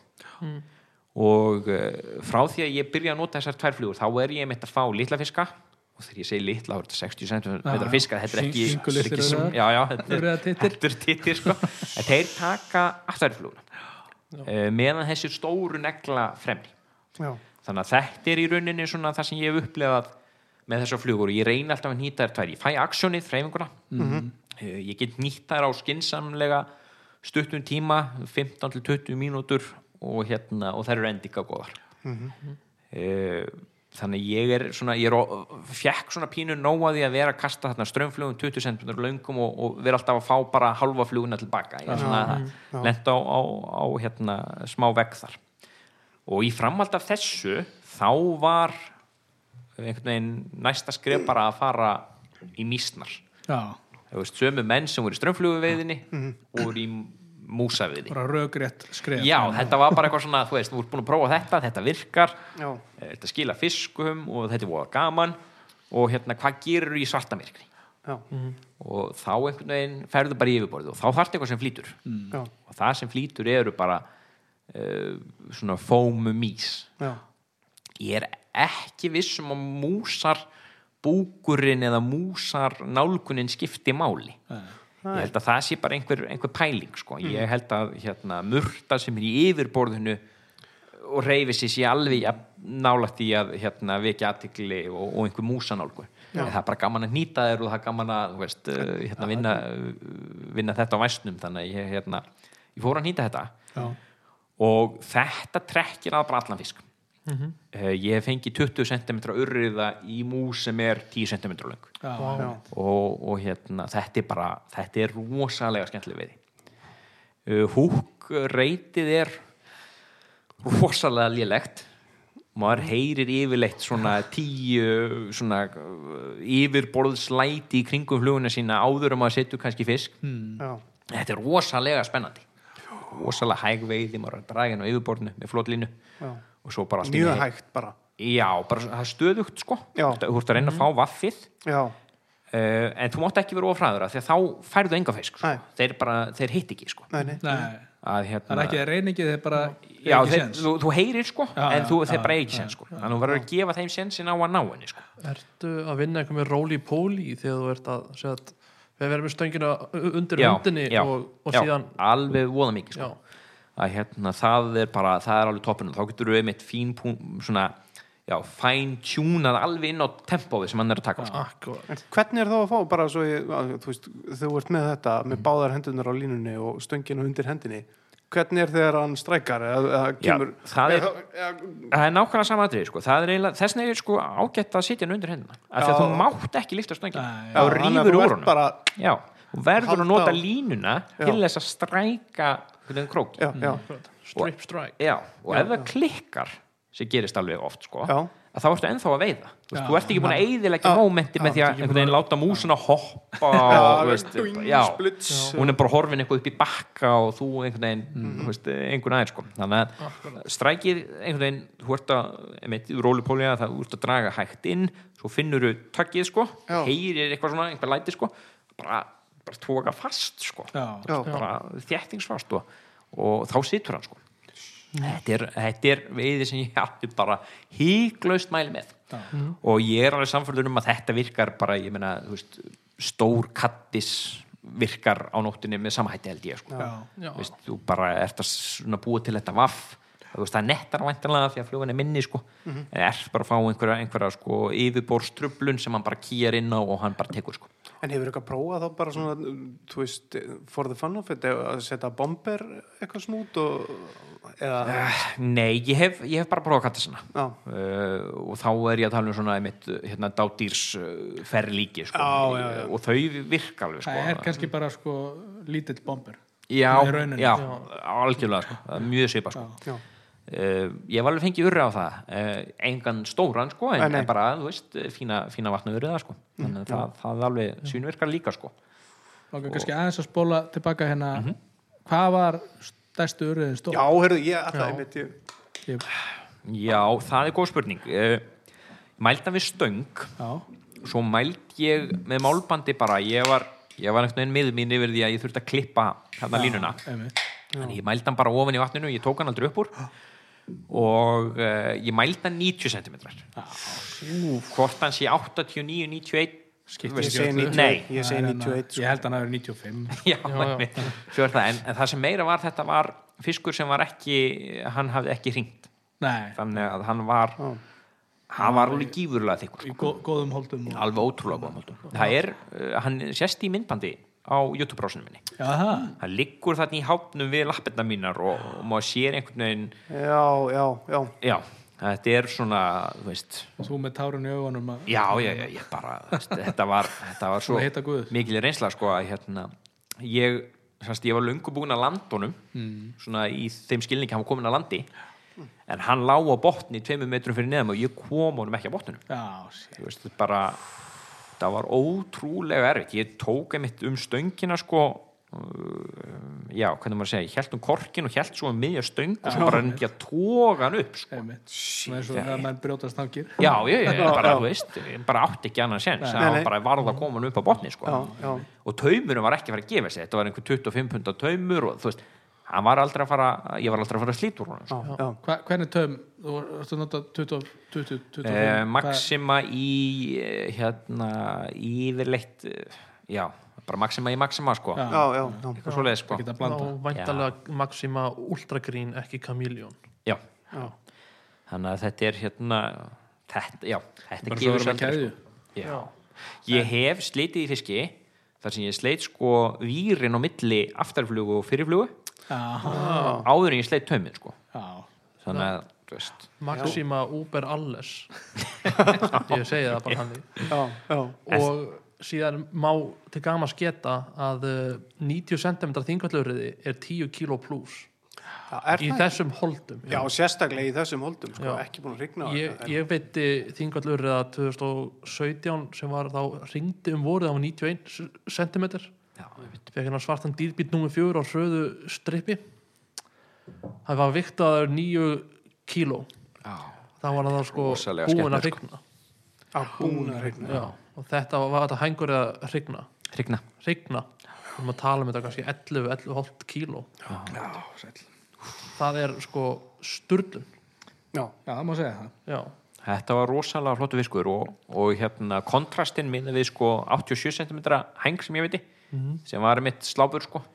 Sem ég tók á fjarka með þú veist, einhverju 6 punda taum og eitthvað, þú veist, þetta er bara, þetta er ekki sama dýr sko. Nei, nei, nei, nei. ok, getum við samt komið aðeins aftur að hana? Hvað sagður þú, hvað fyrstu 87 cm fjark og 6 punda taum? Já, þú, það var þú, þú fórst yfir þetta eins og þetta væri bara Já, ekkert bara, mál. já, einmitt. og, og ve- veistu hver er hérna sittu við liðina? Guður já. sem er ekki að fengi Já, ég er einhver 87 þetta. Já, ég hérna, ég var að gæta þarna kunningja frá Núri og við vorum við nautatanga og hérna markmið var bara bleikja. Já, og uh, það voru þarna torfur bleiki torfur, eða torfur svona fimm fiskar að synda í rauninni fram hjá tanga. Ég veit ekki hvernig nautatangin er það eru svona nokkri tanga sem standa út sem maður getur kasta og þeir voru í rauninni að ganga þarna meðfram. Og ég sé bara að það er þarna einhver stærsta bleikja sem ég séð sko á miklu dýpi, þryggja metrar dýpi en svo tvo metrar frá landi. Og svo er bleiki torfun að ganga og, og ég hugsa já ég verð að ná í þessa risa bleikju sko.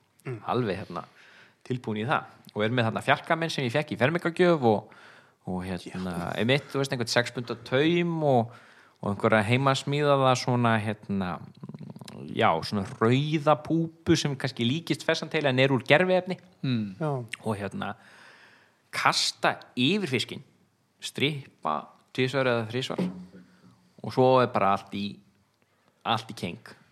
Og hann auðvitað byrjar á því bara að rjúka út í, þú veist mér fannst hann fara yfir á hinn bakkan en þú veist, ég veit ekki hvernig þetta er. Ríkur þarna eitthvað lengst út og hérna klára sig einhvern veginn doldi fljótt. Bara í fyrstu róku Nei, hann fer nú held í þreysvara fjórusun sko, en, en veist, þetta er kannski innan fimm minútna sem hann er búinn. En svo var ég ekki með neinn tæki í höndunum til þess að taka á hann sko. Þannig að ég hérna ég reyni alltaf bara svona aðeins að ná honum inn og, og það er alltaf þessi þingslu og óttum að hann fari og svo bara einhvern veginn ger ég upp við með að þú veist, þetta er búið að vera gaman og nú bara fer hann ef hann fer. Já, og ég hérna tek fast á honum næ honum upp á grinningar var ekki með háf eins og einhver vitlisingur sko.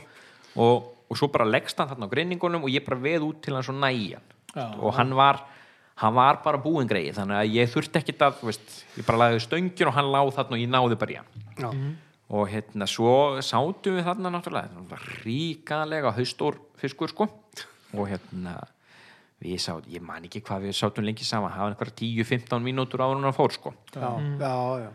uh, ég vona bara að hann hafi haft það af sko en þetta var, þú veist, eins og þið vitið skilur við, þú veist, uh, bara svona, já 50-50 bara. já, eftir sig, eftir, eftir hrygningu og bara, þú veist, þarna jafna sig í, í hérna þegar ég kem og er eitthvað djöblast í honum sko og á kannski ekki mikið eftir Nei, ég, ég veið hann einhvern tímann, ég man ekki hvernig það var, þetta er í lók júni, byrjun júli eitthvað, þannig að þú veist, þetta er kannski fiskur á svona enda æfiskeiðsins, Já, já. gerir ég ráð fyrir sko. já. hellir, hellir Já, en rosalega flottur og, og náttúrulega mjög góð upplifun og skemmtileg upplifun og, og ég man að hann var alltaf, skúfar þessi sem var með mér sko. svona, svona að veiða. Já. Gætin fær alltaf meira og Já, stærra þetta er, ekki, þetta er ekki alveg svona bóðlegt sko, ég, en, en svo bara fagnaður og ég fekk þarna fína mynd af mér og þetta var mjög gaman sko. Er, þetta er geggjaði fiskur það var mynd af, af þessum fiski það ekki í, veiðkorsbæklingnum Jú, jú, akkurat, og nákvæmlega er ennþá held ég kannski Gott ef ekki er alveg, þetta er sko sturð, þetta er svo risaðla Já, rosalega rosalega einhvern veginn svona kjaft og Já. svolítið flottur sko. maður getur rétt ímynda sér hvað þessi fiskur er búin að geta hann getur þess vegna er búin að geta mink. Já, Já, það gerðist í þingarlatni fyrir einhverjum árum. Það var einhver sem hirti einhvern 16 putt urða sem við viti rosa sátur kom heim, opnaðan það var bara tveir minka kvolpar já, ég svona hálfstálpaðir já, minga, já, sem eru þá einhverju Já. svona svona, svona svipað á flugurnar Já, hans eins og Jakob. flugurnar sem Já. Já, já, Já, ég einhvern veginn, ég bara hef verið að lesa hann Jóhannes stóldi og, og hann segir bara mjög skýrt að þú veist, þessi fiskur er að borða murtu hann er ekki að borða hotsíli eða, eða dverflík, hann er bara að borða murtu Já. og hann byrti myndir af 20 cm murtu sem er dregin upp úr maga á 60 cm urða já, einmitt. Já. þannig að ég einhvern veginn svona ég bara nálgast þetta alveg og ég nálgast púpuvina mína mm. match the hats og allt það Já, sko. já, já. hvað er fiskurinn að borða Já. og hérna ég einhvern veginn sé ekki að já, einhverju myndi segja að þetta veri kannski grottaralegt eða eitthvað en ég bara er að nálgast þetta einhvern veginn á sömu fórsendum þú ert bara að veiða á þau tæki sem fiskurinn er að eldast við. Já, já. og ég held að meina, flesti sem hafa eitt mjög löngun tíma við bakkandana þeir hafa upplifað þessar sögur eins og segir það er einhver, einhver mingur í, í maganum og einhver einmitt mís í í hérna lags og í mý og eitthvað skilur. Vídeó að maður drekja andarungum og eitthvað Ná, svona nákvæmlega, Já, já. algjörlega það var bara ég hitti fyrir eitthvað Já. ekki. var, það- var það á þingull, ég man það ekki hvað það var Var ekki Laxá í Mývatnssveit? Var Laxá í já, Mývatnssveit ætli ekki. held það sko það, það er ekki svona stóru fiskar Nei, sko. Nei, og einmitt með mís, mísna sko, maður hefur séð bæði einmitt þegar fólk er að draga upp mörtu úr, úr, úr svona stórum urðum og svo mís og annað og, Já. og bara, já, já. ég maður meira setti ég hafa verið að veiða hana þegar ég var að byrja á þingvöllum sko bara á spún og ég var að veiða ránbleikju sem var sko Já. með mörtu uppi sér sko bara litla Ákvært bara bleikju sko þú veist. já. það, þetta, þetta er eins og okkur eitthuslöngur eða eitthvað sko, það er, það er kirkjuslöngur það er bara, það er bara að geta allt sem kemst upp. Já, já, algjörlega Það er eins og ég var að vinna í flug, flugbúlunni og menn voru að koma til mín og velja flugur fyrir þingollega ég sagði já hérna er uh, Black Ghost nr. 4 svartur dýrbjöndur nr. 4 og, og nota Black Ghost um ljósskiptan og skiptir hérna fyrir að, að dimma yfir í dýrbjöndin svarta Já. og nr. 4 Já. eitthvað rugglaður allt og stórt hvernig á ég að geta kastað þessu já, Ég bara, Hver réði þú- þig hérna? Já, og nota bara stöng nummer 7 eða 8, neglir þessu út langan taum og síðan bara dreifur þetta inn bara á þeim hraða sem þér finnst bestur, sumi vilja taka þetta hægtinn ég vil helst bara streipa þetta eins og ég sé að ve- veiða bónfisk já, já. bara, og hefur virkað hjá mér. Ég, 91 centar fiskurinn kom sko á líla hröðu strippi. Og takan var líka bara ég maður Eins og að hann tók. bara. og síðan var bara eins og línu mín var, var í tegja á hjólið. Og síðan var hann fara undir undirlínu á 10 sekundum Jesus. Og þetta er magnað með strippið sko, sturlað hvað menn, sko, ég man þegar maður var að byrja, sko, þá var alltaf að tala um hægastrippið, sko. Mhm. þá fór maður og púpaði eiginlega, sko, strímarinn á þingvöldu, sko. Svo sá maður hérna einhverju kynningu hjá Cesari og hérna honum Marek í Meski og þá var það hratt, sko. Og svo er það aftur hægt og maður er svona maður má ekki festast í einu strippi. Þetta er, þetta er svo misjant eftir því kannski hittast í og, og, og bara hvað er í gangi. Akkurat þa þannig erum við kannski komin í kannski eru, ef við færum okkur úr mæ erum við ekki nokkurn veginn ennþá bara fastir í apríl-mæ og við færum okkur svo yfir Já, kannski uh, Þetta já miðsumars- tekur, tekur við. Eh, kannski ef við stöldrum aðeins ennþá við mæ Já, hérna, eh, sko, mæ er mjög vannmetinn tími í bleikveið í, í þjókarun mm. þarna fyrst uh, kemur stóra bleikjan að landi. Uh, þarna er í rauninni svona kannski besti tíminn til að veiða uh, bleikju án þess að vera alltaf að lendi í einhverju murtu. Já. Uh, það sem hann er að taka er yfirleitt uh, kuðungur og það er bleikið sem hann heyrðir og opnar heima er náttúrulega bara stút full af kuðungi. Já. og mér hefur reynst alveg rosalega vel að veiða á Mobuto, Krókin allt vínilripp á þessum tíma á hreyfingu þannig að ef það er, ef það er hérna, einhver vindur þá leifi ég bara veist, vindinum í rauninum að, að hreyfa fluguna. En ef það er lokna þá er ég í rauninni að strippa inn í rauninni mm púbuna sko. Og, og þetta bara sýnvirkar og meðal þingdin og bleikjun á þessum tíma er alveg mun herri heldur eins og þegar það líður á sko. Já. að hérna, þannig er hægt að gera alveg bara svakalega bleikjuveðið. Ef það er gott veður, það er Já. svona fyrirvarni sem maður setur á það sko. Ertu með tökuvara eða þetta við þarna þá í Já, bleikinu? ég, ég er nú alltaf með tökuvarna sko. Eh, það er nú kannski að einhverju leiti óþarfi á þessum tíma. Já, Eh, þetta er yfirleitt þannig að taka er í rauninni bara í strippinu þannig að veist, hún situr yfirleitt bara alltaf föst sko. en þetta er bara eitthvað svona öryggistæki að maður hérna vill einhvern veginn vera með tökuvarun og ef þú ert að láta hann að leggja í vindinu sko, eða, Já, eða já. strömnu sem myndast í vatninu þegar það er vindur þá þarfstu tökuvarna þá virkar hann bara eins og, eins og þú veist, flót sem dregur púpuna sko. já, þegar hann tekur á sig vindin sem, sem eh, rekur þetta áfram sko. það eru örgulega ykkur að hugsa núna. Nei, núna kemur árni með eitthvað.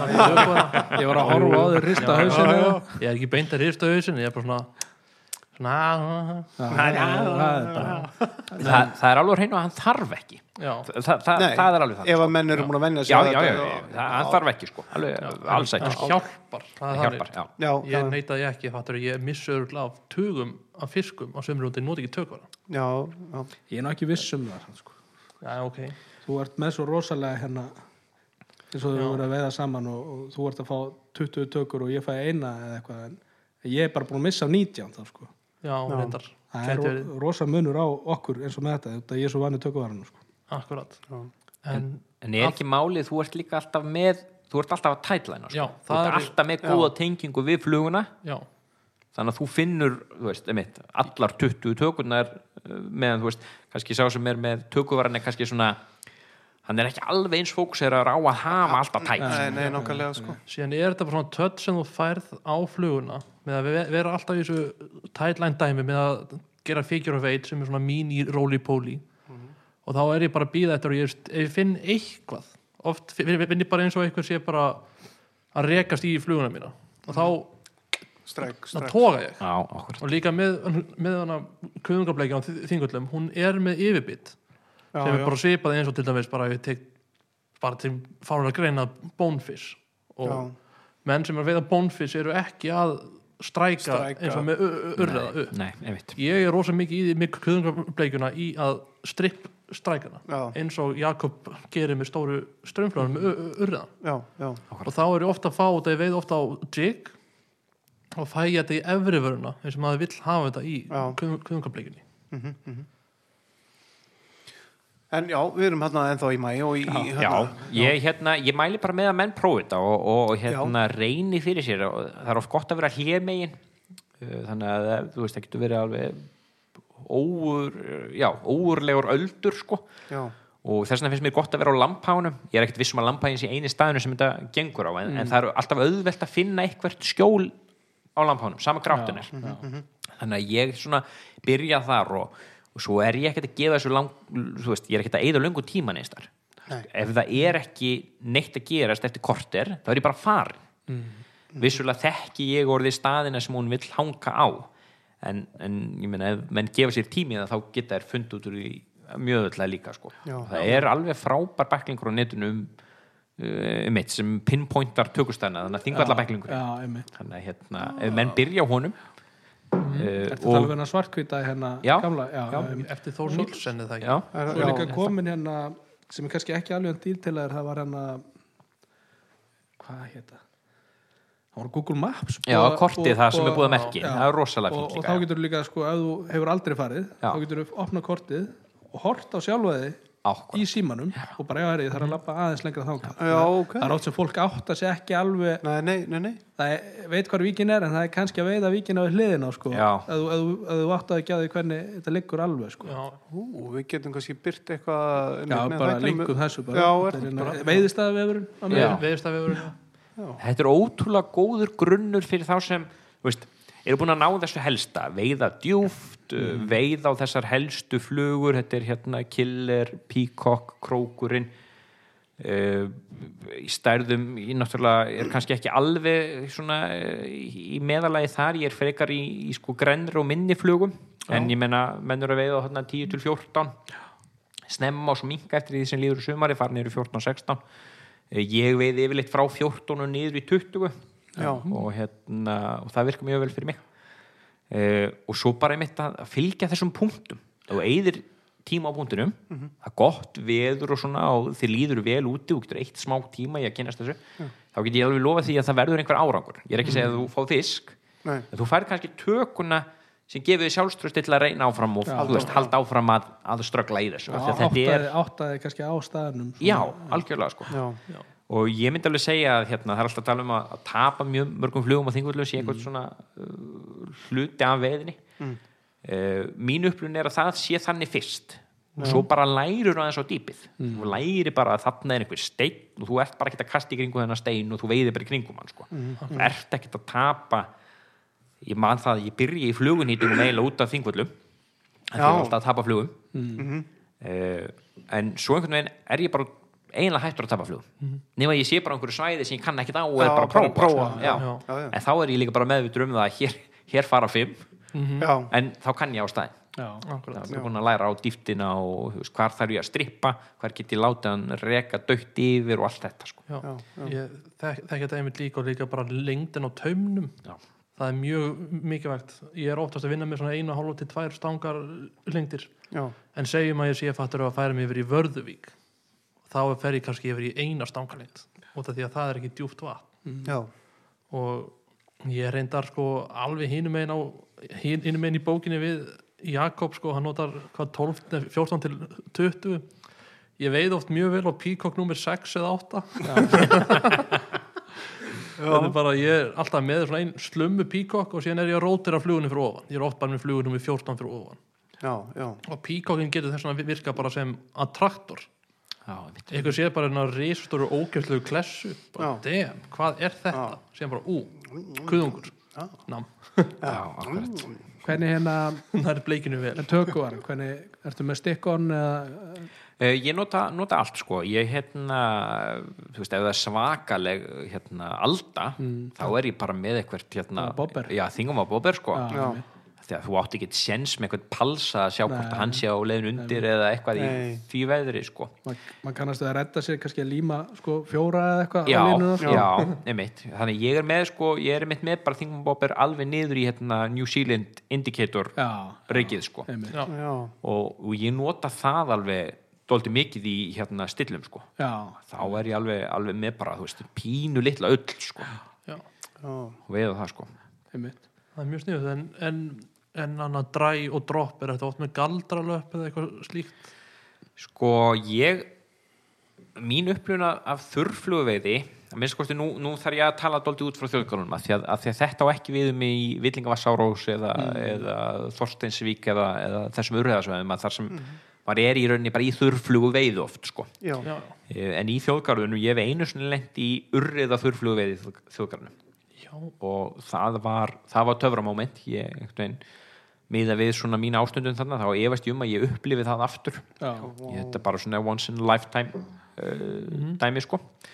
Að fyrir utan það móment þá einhvern veginn hef ég bara séð bleikju í mæ í yfirborði sem Já. er af stærð í rauninni. Og, og þá hef ég í rauninni ekki verið að nota þurflugur heldur hef ég bara stitt hérna uh, sko lengdina frá flugu í tökuvara. Þannig ég er ennþá með Já, sama já, já. Tveggja stangalengdar taum. Ég bara sitt tökuvaran alveg á endan.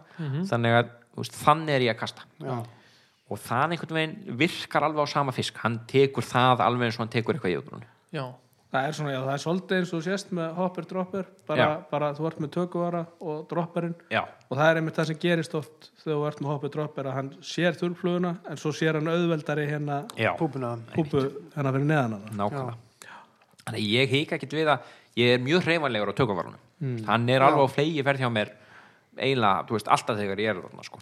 og ég reyni einhvern þrjú kost og reyfir sér og já, já, já, alveg bara, þú veist, hygglust sko. já, stundum er þess að bara í, þú veist, á sama blett í sama kast einhvern veginn, þú veist, búin að kasta einu sinni svo bara strax renni hún já, þannig að ég er hérna, ég er ekkert feimið við það sko. Það er rosa mikið mín reynsla eins og í þjóðgarunum og ég veið mikið á svörtu klettum á sömurinn já, ef maður sé fisk vaka er maður ekkert að kasta á þetta? Þetta er bara smábleiki eða murta. Já, er það ekki bara? Jú. og ma maður spottar alveg strax ef þetta er urriði að vaka. Akkurat ég hann að ég gleymi nú ald- aldrei morgunum sem ég var hana með nonna í fyrstu veðiferðinu o- okkar. Ég er platan til þess að fara út með mér klugan sko hálf fimm. Já, fórum í þjóðgæðin og vorum að móka einhverju smábleikjum og murtum og eitthvað og fórum síðan í Vörðuvík. Fyrst getur sem ég fer í Vörðuvík og ég bara, já, farð þú þannig og ég fer hér. Bara, ég veit ekki shit um þessa vík og ég seti undir krókin og píkok og við kasta eitthvað út og ég fæ murtu. Ég bara, ég, gaman. Og síðan kasta ég aftur og fiskur að vaka og eitthvað og ég kasta svona frá fisknum sem er, er, að vaka. Og bara dreg ég inn og síðan bara stopp. Ég bara, ha, er ég alveg bara 30 cm dýpið hana? Já, og ég er svona held stönginu upp og stöngin alveg í u.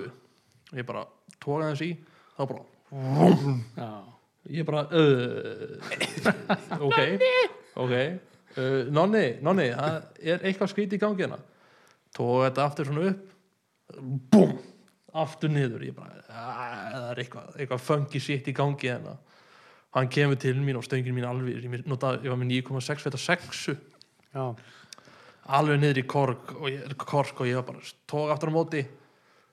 Um, á botnin ég bara, hvað í fjandanum? Þú veist, Vörðuvík er ekki djúp þetta er bara svona sexy murtustæðu þannig séð. Já, og síðan tek ég þetta inn á hjólið og tek einu sinni í viðbót og þá var þetta af. Gerfunur kannski? Nei, já. En bara, ég oft hugsa út í hvað í ósköpunum var þetta. Ég hugsaði um að þetta gæti að verið hvað, 8, 6, 7, 8, 9 10 punda bleikja eða bara eldgamall haustór urriði sem hefur ekki orku í, í, í neitt. Já, einmitt. Þe- þetta lendir maður í á þessum morgnum á þingvöllum. Já, Já, en það eru hann, við vorum mættir hann að við ætlum að fara, hvert ætlum við að fara aftur? ætlum við á uh, Lampaga og le, le, le, Leirutá. Þetta var svo í svona lok júni já, það er bara verið stappað. Áttuferðir bara. Er þetta ekki líka eins og margir segja og, og eins og þú er búin að segja þetta er hérna mjög snemma um morgun, eh, morgun, nótt morgun og svo gerist eiginlega ekkert kannski frá einmitt einhverju, hvað ég að segja, átt, neða kannski nýju um morgunin Já. og eiginlega nánast allan daginn þannig séð. Sko, þetta er ekki alveg mín reynsla í bleikjunni. Nei, eh, nei, nei, nei. Okay. eh, sko, mér hefur fundist urrin vera miklu meira klukkudæmi. Já, þú þarft að vera mjög meðvitar um það hvernig þú ert að veiða þú ert að veiða urðan þannig að ég hef svona lítinn skilning á því eða veist, ég veit að menn eru viljur og vilja vera að veiða urðan allan daginn og ég ætla ekki að segja að þú veist, að eru 60 stangir að kasta út í þingvallavatna þá fær ein stöng urrið eða tvær þú veist að miðum degi, það gerist. Já, en þú þarft alveg, alveg að hafa fyrir því. Mm þú getur verið pínu klókur og auki líkunna innan með hvað bleikjuna varða þá hef ég svona mér finnst pínu eins og menn einhvern veginn ákveði að það sé einhver tími á henni. Uh, mér hefur fundist að nóttin sé ekki bleikjuveiði tími en hef þó fengið bleikjur á nóttinni já, mér finnst eins og, eins og dagurinn sé þú veist, það er tökutími morgunin tökutími um kvöldið en það er hægt að setja hana allan daginn já.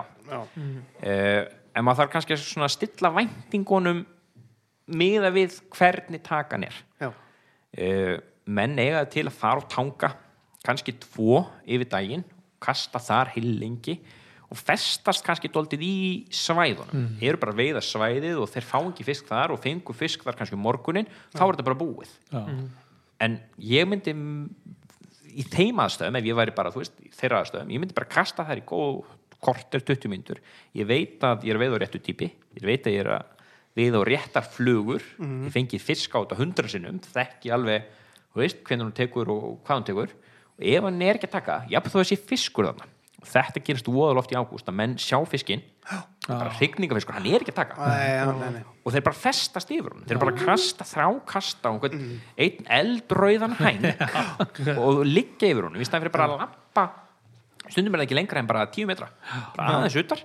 Og það er geldfiskur aðeins minni bleikja sem er bara í brjáluðu tökustuði Já. og hérna mesta magnveð mín kemur oft í ágúst þá leiti ég að þessum torfum í raunni finn einhverja bletti hún er minni Já. en það er alveg ríkalega mikið af henni Já. en ég, það þýðir kannski að ég er búin að reyna tíu staði en ég finna hana sko. já, já, já. og, og eins og ég segi, ég er ekki búin að eða löngum tíma ég er kannski, já ok, ég veit að hér er staður veiðan í korter, já bara steindutt mm.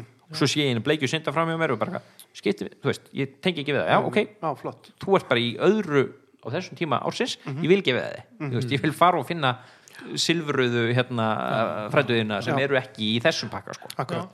Og, og það bara einhvern veginn hefur bara reynst mér mjög vel og, og það sem er kannski annað í þessu og nú er maður kannski að skemma fyrir sjálfum sér er að, að það er lítil samkeppni í ágúst. Fólk er einhvern veginn búið að ákveða það að regningarfiskurinn er ekki að taka, þetta er bara erfitt og, og svona, og maður getur einhvern veginn gert þetta, maður getur gengið á tíu tanga án þess að vera samkeppni sko. þannig að hérna, það er búið spil. Það er búið spil núna. Ég er búin að einleggja þarna- það og hérna, Hún kannski, að- kannski að fara að skemma eitthvað meira fyrir þér, ég veit Já, ekki, en, en, en hérna, ef, ef, hérna voru við komin, droppuðu við inn í ágúst, ef, við- ef við kannski fyrir örlítið tilbaka, já, það, það er hérna það sem gerist er náttúrulega þegar urriða tímabilinu sleppir og hann fer inn á dýpið þarna í júni þá myndi ég segja að þú veist, það er hægt að veiða bleikju. Þetta er ekkit eitthvað veist, fyrri hluti júni nema sé eitthvað sérstaklega veist, góður hvað veður varðar. Þetta er engin frábær tími. Uh, en það, veist, hann, hann, hann býður upp ákveðna möguleika. Það er hægt að veiða fisk. Þetta er ekki Já. dött sko. En, en uh, maður þarf bara kannski þá að hugsa pínum bleikjun eins og maður hugsa um urriðan þú sáttur með, einn til þrjá fiska. Já, já. Það er kannski bara toppurinn. Þeir eru á þessum tíma alveg eins og í mæ eins og ég var að tala um, veist, þetta er stærri fiskur þetta er ekki þessi minni bleikja sko. já, já, þannig að ég hérna, ég hveit bara alltaf til að prófa sko, en, en svo er bara alltaf í þessari vatnaviði að maður þarf bara að vera mjög meðvitaður um bara veðurfar uh, hitastig og taka tillit til svona ýmsa þáttar sem hafa áhrif á, á tökugliði fiskana sko. Og hérna ekki eigða löngum tíma í einhverju harki og vondu veðri. Vera þá bara heima og býða á tvo daga eftir góða veðrunu já, já, já. eins og, eins og með staðina sko, þó þú sést með sko, staðin sem á að vera besti staðurinn þú veist, menn er ótt að mæta snemma og ná Já, já. besta staðnum. Akkúrat. þú er kannski ekkert að frétta, bara einmitt út af veðri eða eitthvað. Að- að- þá voru kannski gæjar að prófa sko, og hefur gengið illa og, og gefa svo bara upp að þeir voru á besta staðnum í vatninu gerðu allt eins og þú átt að gera það. Já, fengu ekki raskat. Nákvæmlega. Og besti staðurinn getur kannski verið besti staðurinn ef það er suðu vestanátt og Já, sólin er fattaru hátt fyrir ofan klón 2 á sól. Já. já, á það er sól, já. Og uh, síðan aftur á móti þá getur kannski verið betra að fara á tangan sem við tegum í burtu það sem er uppsprettur og Akkurat. eins og út að veiðana í ágúst förum aftur í ágúst frá júli eða júni og þá er fiskurinn mikið í kringum að nautatanga og vellan kalla að það fer að það er að rigna Já. kemur mikið vatn þar í gegn. Já, ég, hérna, ég er rosalega hrifin af þeim stað sem sko ekki veiðist að heldur bara til að sjá sko hrygningu bleikjunar. já, Það er þarna við Velanköllu, það er hérna svona lítil vík sko. Og þar getum við að séð alveg stundum bara 40 bleikjur sem eru bara hrygningublettum á 20 cm dýpi, alveg ótrúleg sjón sko, veist, alveg svona svipuð upplun og þegar maður sér urðaðin í öxar á sko, þetta er, Já, þetta er rosalega flott sko, og það pyrra mig alltaf pínu kannski svona aðeins að skjóta á menn hérna. Þegar menn standa þarna yfir og eru sko. Já. ég ætla ekki að segja að fiskurinn tak ekki. Uh, það er svona húk yfir bragð yfir þessu. Já. Já. Appelsungul og noblar kannski já, hérna- strip, stopp, strip. Já, ég, hérna, ég er ekki hrifin af því sko það, pyr, það pyrra mig pínu að þetta þetta er náttúrulega bara hluti af, þú veist, Ólafstráttur er þarna friðaður sko, Já, já. þetta er bara í framhalduna af því þannig að þetta er svona Það vantar að kannski menn smá svona inn í menninguna sko, bara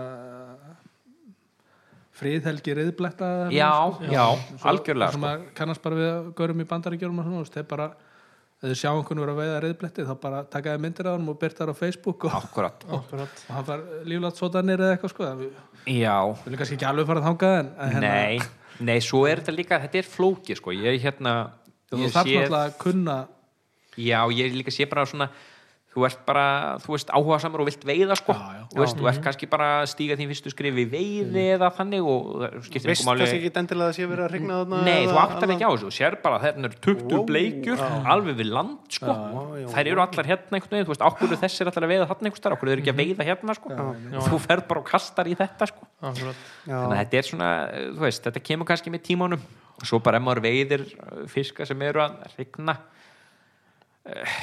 kannski að leifa þeim að fara þú veist, þú veist ekkert að vera að halda í þá, það eru silfraðir fiskartni í kring sem er hægt að taka ef maður vill taka sko. Ef, ef við kannski bara spjöllum aðeins um það hvernig, hvernig á, á hérna uh, ungur veiðmaður sem er strákur eða stelpa sem að fer á veiðir á þingvöllum á, á kannski þessum tíma hvernig á hann að vita hvort að fiskur sé í hrygningu eða geldfiskur eða hve- hvernig ge- ge- getum við, við reynd að lýsa þessu eitthvað, Já, eitthvað fyrir? Þetta er nefnilega þetta er, þetta er svo, útlitsenkin eru svo áberandi. Ok. okay. hann verður, hann fær alveg eldröðan hvið já, og, og eftir því sem líður á þá verður hérna, hérna bólurinn alltaf dekkri og dekkri. Já, og, og undir mitt lók september þegar maður slýsast á, á regningableikju hún er bara svört. Já, rosalega mikið litamunur á uh, kannski svona silfuröðum geldfiski og svo er mitt þessum regningableikjum sem eru bara þær eru bara, þetta er ótrúlega litir sko, ótrúlega þetta er bara flottar sko. eins og önnu tegund. Já, já, Já. þetta er alveg magnað sko. Alveg geggjaðir litir sko. Og hérna og bara svona maður finnur að líka að maður heldur á þeim. Þær eru svona lausari. Mm. þetta, er, þetta, er, þetta er stór fiskur kannski lítur vel út en hann er einhvern veginn svona póka undir sér. Hann er ekki eins þéttur ekki með sko, hef, ætti að vera með alveg svona já, bumbuna, ætti að vera alveg þéttur allan hringin en er það ekki sko. Já. og hérna já, já, þetta segir sér alveg sjálf bara um leiðu rauði liturum fyrir að koma sko. Já, já. þá, þá er hrygninga þú veist, þá er hrygningar uh, starfseminn byrjuð sko. Fe- ferlið að kom, komið í gangi á Þannig að, já, þetta er svona já, ég myndi segja, þú veist bleikju við á þingvöld, þetta er náttúrulega bara veist, hvað mig var það einhver svona toppur á tilvörunni sko, ég hérna, kann voða vel með urriðin er spennandi, já, en, en einhvern veginn bleikjan er bara það er konfektið já, þetta er svo rosalega gaman sko. er útrúlega gaman sko. já, mér, það var mi- mikið þetta með þetta sko. ég, ég lendi síðast á sumar í miklu svekkelsi það var, ég fór hana eitthvað í byrjun júni, ég fór í svörtur kletta og bleikja var mætt í þjóðgarðin og hitt og þetta, ég hugsaði bara, jæja núna fer ég á veiði bleikju bara settist niður, horfði yfir vatni svona, svona rifflað og flott það var svona 8-9 steg hitti og og það var svo næs. Sett upp skrýmsla píkokk og lítinn móbútó óðan út á, á svona ákveðin gebletta sem veist, þeir, þeir voru með báta leigu þannig eða svona útsýnisferðir já, og gerður svona kanal í gegnum út á dýpið. Já, og það sem kanalinn mæti dýpinu er mjög mjög hotspot. Og ég fer þangað og kast út og býð og býð og býð og býð það var í tökku og ég bara yes, yes. Nei það voru það einhver helvítis urriði. Og ég var bara ég, ég var bara full. Það var bara einhver svona 6-7 pundu urriði hann fór af end, endanum en ég var bara, ég sá hann stökk og ég bara, ert ekki að fucking grín á bara mindsetið á bleikju. Já, bara komið þangað. Akkurat. Það hefur engan tíma fyrir þennan urrið sko. Já, ég var bara come on og síðan fekk ég enga bleikju. Ég, ég setti bara í þennan that, that's it. Æskinnið þetta er svona svo lagsæðið sko, þegar menn fá flotta sjóbyrtingar sko, í lagsveið og já, það er alveg brjálæðir sko. þetta er alveg þetta er alveg pottitt sama, sama já, tilfinning sko. Þetta er Já, ekki kannski ekki með, kannski ekki með ef þú fær fallegan sjóbyrting kannski, það er nú kannski meira ef þú fær bara staðbundin urriða eða, eða bleikju eða eitthvað í Já, svo- eða svona eitthvað burt með þetta. Í tungufljótinu hérna En svona í fyrra þá fekk ég þannig bleikju í Bjarnafossi á þýska snældu. Einstómið þýska snældu. Það var svekkelsi sko. þetta var líka þú komst eftir mér og ég tók lags og sjóbyrting í einu reynsli helvíti góður. helvíti góður. Og þá kom nonnu eftir mér bara veist, galvaskur með tvíhjönduna þrykir út í. Nei, það var bara einhver pulsubleiki sem væri fullkomin í pulsubrauð. Þú tókst tvær. Ég tók tvær. Það voru einu fiskanir í, í, bara í ferðinni á mér sko. og nullaðir ekki. Já, þetta var rosalegt sko. Og nullaðir ekki. Nei, núlega ekki, það er rétt. Já, það er meira en haffi getur yfirleitt sagt. Það er í fyrra hafi það var mjög, mjög fínt ég ég vorum við ekki búin að fara yfir það? Jú, við erum búin að fara yfir það. Yfir gripin Við skulum gefa þér einn þátt hérna í pásu og svo ræðum við það aftur. Ringjum kannski Kristján og já, einmitt, einhverja já, hann hlustaði á fyrsta þáttin og hann var fljótur að senda mér golfgif maður, helvítis. Það gefur mig kilfur já, einmitt, ég, ég launaði þetta eitt tíma Kristján. Já, já, herðu, en þú varst að tala um hérna, einmitt, hérna mjög skemmtilegt kannski eh, svona eh, sjónfiskana eins og þingvöldum er þetta, er þetta sama sjónsvið hjá bleikju og urriða eða, eða hve- hvernig, hvernig og svo, já, þetta er ég einhvern veginn lagði stólt í svona pælingar á bakvið sko hvernig sér fiskurinn? Að hérna einhvern veginn held áður en ég byrjaði einhverju svoleiðis rannsóknarvinnu að þetta gæti kannski hjálpa mér eitthvað í veiðinni. Ok, og, og mér hefur gengið vel að veiða bleikju alveg frá því að ég var krakki þannig að ég var ekki að fókusera á bleikjuna heldur var ég meira að horfa á urriðan mm. hvernig sér urriðin hvernig veiður urriðin aðra fiska því að hann er svo ofta rándýr sko í, í vatnasvæðunum sko og, og það þarf ekkert að leita lengi til að, að sjá hérna einfaldar útskýningar á, á hérna á sjón urriðans og hvernig hún virkar og hvernig hann notar hana til að hérna til að veiða sko að hérna að það eru í runni já, ok, nú erum við svona tíndubækja líffræðina hjálpa mér pínu sko en, en við erum með sem sagt í auguna, þá erum við með bara svona ljósnima það eru sem sagt stafir og, og keilur. Og keilur eru í runni það sem greinir svona liti og einhverju svona skerpu og, og hérna runni kannski það sem er virt á daginn. Þannig að Já. þú veist, í ljósi þá sjáum við liti og, og hérna getum svona greint já, þú veist, rauðan frá grænum og allt þetta. En svo nóttu til til dæmis í tungsljósi eða slæmri byrtu að þá hættum við að sjá litamun og við fyrir bara að sjá svona það eru bara svona misfundi gráir hvítir tónar. Já, og þá eru rauninni stafirnir að verki. Stafirnir meta í rauninni þetta er svona, þeir eru ljósnæmir sko. Hvert er byrtustíið og hvert er endurkasti frá hlutunum? Uh, urriðin alveg eins og við uh, sjónin þeirra breytist eftir því sem það dimmir. Já, en ólíkt okkur þá verður hún ansi öflug á nóttinni hún verður ekki þannig að, að þeir sjá einhvern svona hérna já, upplifun þeirra er ekki þessi sami kontrast og við sjáum heldur sjá þeir miklu betur en við. Já, þannig að öll byrta verður í rauninni íktari. Já, Já. og, og það þýðir í rauninni að þegar þú ert að veiða á nóttinni þá skiptir rauninni lítur flugu yngu máli já, heldur bara kontrastin hennar við bakgrunnin já, já, þannig að hvítarflugur, svartarflugur eru í rauninni bara líkilatriði næ, nætur við einar já, og svo þarf ekki að pæli hvort hún er rauða græn eða hvort það sé einhver hotspot eða eitthvað, þú veist, eitthvað flass sko. já, já, en eins og þú ferði yfir í kannski yfir í fjólubláa flugur sem er svona ljósef svona síast þess að deyja út.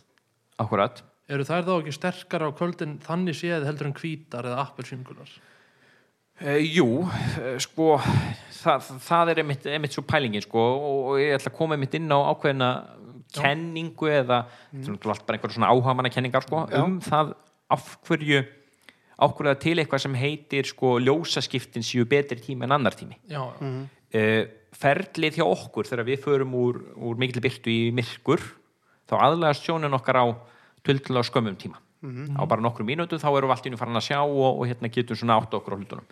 Hjá urröðunum gerist þetta á 20 mínútum, hálftíma. Þetta tekur lengri tíma og það sem gerist er að, keilurnar þær, þær í rauninni fara inn í, inn í hérna, þú veist, hverfa tilbaka og, og stafirnir einhvern veginn taka við og uh, á einhverjum tímapunkti er sjónin þeirra í einhverju svona, einhverju svona toppi. Þeir sjá rosalega vel allan þennan kontrast veist, uh, ljósnæmið er mjög mikið og þeir sjá hérna, alla byrtuna mjög vel uh, alla lítina já, já, þannig að þá er kenningin svo að þeir sjá svo vel þeir eru svo, þeir eru svo góða rándýr að þá eru þeir bara einhvern veginn betri að finna flugurnar heldur en í fullkomnu myrkri eða í dagspyrtu. Já, og þess vegna færðu hálftíma þar sem er svona voðalega mikið aksjón, hálftíma klukkutíma já, og svo einhvern veginn deyða aftur niður eftir, eftir þessi ljósaskipta tíma sko. og, og þá er hann orðin allt annað rándýr sko. þá, er hann, þá er hann farin að leita kontrast. Hann er farin að leita upp hann er farin að horfa á, á í rauninni kontrastin í vassflitunum þannig að byrtan sem kemur á ofan hann sér eitthvað svart, hann sér einhver, einhver, einhver hérna, já, bara einhverja, einhverjar útlínur sko. einhverja reyfingu í vatninu og, og miðlínan er farin að skipta mjög miklu máli þarna allar reyfingar og, Já. og þetta sko hvað var að segja, svona delicate presentation sem er alltaf líkilatrið að degi til. Mátt ekki láta, þú veist, heyra og mikið skvamp og eitthvað, það bara, það er Það er hægt. út. já, bara farið bara láta fluguna lenda með látum sko. Já, já, Veistu, vera Já, með bara læti og hann kemur bara, hann veist, hvað, Já. hvað er að gerast já, og er bara mættur sko. Og, hérna, og þá snýst uh, flugunýtingin í, í þessum aðstöðum um útlit flugunar sem sagt útlínur flugunar. Já, já, já, já. prófílin já, hættur að pæla í aksjón í rauninni sko, hvernig lítur hún bara út í, í, í hérna prófíl? Já, og, og hérna þegar ég fór að uh, virkilega hugsa um þetta, pæli þessu og hérna uh, skoða þessar rannsóknir og þessar upplýsingur um, um sjónsviður að þá einhvern veginn gæti nota það til þess að veiða betur. Mm. þá veiði ég ljósaskiptin það gengur vel, veiði þá með ákveðnu flugum og vel ákveðnu flugur út frá, út frá því að hérna, þeir sjá bæði vel litina og, og sjá bæði vel hérna, þú veist, þeir eru bara með góða sjón á þessu tímabili. Svo kemur bara hálftíma þessum allt deyr þá yfirleitt bara hætti ég að veiða. Já, og sit bara, ég bara af mér einhverja 20 mínútur eitt malbygg og, já, já, og býð bara eftir að þetta byrja aftur og þá fer ég í yfirborðið, þá fer ég í mísnar þá fer ég í urðaflugur sem eru stórar lít út eins og emitt þú veist, nákvæmlega bara þetta er, þetta er eiginlega þessi viska sem maður þekkir alltaf veiða hérna ljósar á daginn og fara svo í eitthvað svart á nóttinni sko. þetta, er bara, þetta er bara sama koncept sko. þannig að hérna, þetta einhvern veginn já, hefur aðstofað mig að minnst kosti við að nálgast urriðaviðina í vatninu og hérna mér uh, finnst þetta virka Já, það er mín upplifun að þetta já. bara skipti máli og hérna hjálpi mm, og ég hérna ég vel flugur út frá þessu. Þannig að ég er svona alltaf meðveitur um þetta og hérna ég, ég mæli bara með því að fólk einhvern veginn svona aðeins átti sig á því hvernig urriðin virkar. Því að þetta er náttúrulega í flestum vatnarsöfum þetta er oftast sko rándýri sem er efst í feðurkjöðinni já, já, og, og hegða sér sem slíkt ef við hugsa um öndur rándir hvernig veiða þau? Já, það eru veiði tímar þau eru ekki að veiða allan nei. það eru mómenta sem allt er í gangi og, og flest dýrin hegða sér eins. Og, og hérna ég held að einmitt, þú veist, þetta er bara svo þekkt í úröðinni lúsaskiptin er einhver tími sko. Já, þá byrjar eitthvað og gerist eitthvað og, og ég held að sjónin sé þarna líkilatri en eins og ég segi, ég er ekki líffræðingur þetta er svona En, en hva, hvað segir um eins og hérna góðvinnur þáttana sem við nefnum nú kannski allt og oft, hann Ólafur Tómas hefur talað um eins og með hérna urriðan að röndin á honum hérna hliðaröndin á honum að hún sé líka einhvers konar að hann sé að, að sé einhverju svona skinjarar á henni sem að skinja eitthvað eins og í myrkri og öðru. Ég held að svona einfalda skýringi sem er notuð er að hann er svona eiginlega heyrir með miðlinni Já, já, að það sé svona Já, hans- hann, hans- hann er ekki eins og hans Nei, hann svona veginn skinjar hreyfingu og skinjar og, og nálgunin í, í mínu strömmflugum er alltaf að hafa þær doldið hérna hvað við segja, það er íta miklu vatni. Það, það sé Já. það sem við kannski uh, getum skýrta sem. Það eru með dátirshaus, það eru með ullarhaus það eru með uh, fómhaus hérna svona, uh, já. Það heyri spott eitthvað í þessu í vatni Já, þetta, það er eitthvað þetta í ítir alveg hrikalega miklu, miklu vatni. þetta er bara stoppar í vatninu sem er alltaf íta vatni. Þetta hefur bara þetta hefur bara þau áhrif að hann heyri bara í þú veist, það er bara eitthvað að synda. Já, þannig að hann kemur einmitt líka það, þú veist, þú veist að tryggjara nú ef við tölum bara út frá nættunni það tryggjara út frá prófíl það tryggjara miðlínun út frá látunum í flugunni, bæði þegar þú lætur hann að lenda með látum og, þegar þú strippar inn sko og þá er ekki að tala um þetta strippin með látum sko. Þú veist, það er nóg að hún sé bara dólti bölki og íti vatni sko. Þú veist, einmitt eins og við þekkjum bara þú veist, ég meina, þetta eru bara yktar útgáfur af möllir minnó, það er ekkert annað sem er í gangi sko. Og hérna þannig að þú ert að svona þú ert að leika á nokkra svona nokkra skinjanir urriðans fyrir bráð. Og hérna einmitt þessi þú, þú dregur inn fluguna, hún syndir og svo stoppar hann og hún ekki bara stoppar heldur tekur hún beigju já, af því að hausinn stoppar fluguna en aftur Skottið krókurinn já, það, það heldur áfram. Mhm. það sem tekur svona kick þannig að hún er að beigja hann fær kannski þá tilfinningu að nú er hann að fara að flýja. Þú veist, ég er búin að elda hann Já. tíu metra. Nei, heyrðu, nú er hann að taka ströyu burt. Ég verð að negla núna, hann smissi á hann Mhm. já, þannig að þú ert að leika svona á alls konar alls konar hérna alls konar skinjunur aðeins. Já, já. Og um, ef við förum út af eitt sem við myndist á í byrjun hvað gerist eftir ljósaskiptin þegar það er tungsljós? Þegar tunglið er bara Já, tunglið er, er bæði jákvætt og neikvætt. Tunglið er bara ljósgæfaða nóttu til sem, sem gerir það verkum að hérna urriðin getur uh, sko, þó að sjónina sé góða nóttu til þá þarf hann samt eitthvað ljós. Vist, í kolni eða myrkri þá var hann alveg blindur og við. Já, uh, þannig að tunglið gerir það verkum að hann getur veitt allan nóttina já, hann er ekki háður ljósa skiptunum og, og tímanum klukkutímanum eða tveimur eftir það eins mikið. Hann getur bara verið að og, og ég til sér satan og það er yfirleitt þannig að, að í fullu tungsljósi að dagan eftir þá er veiðin yfirleitt dræmari. Að hann er bara búin að borða sér satan af vörtu eða, eða hortsíl eða hvað hann er að borða sko.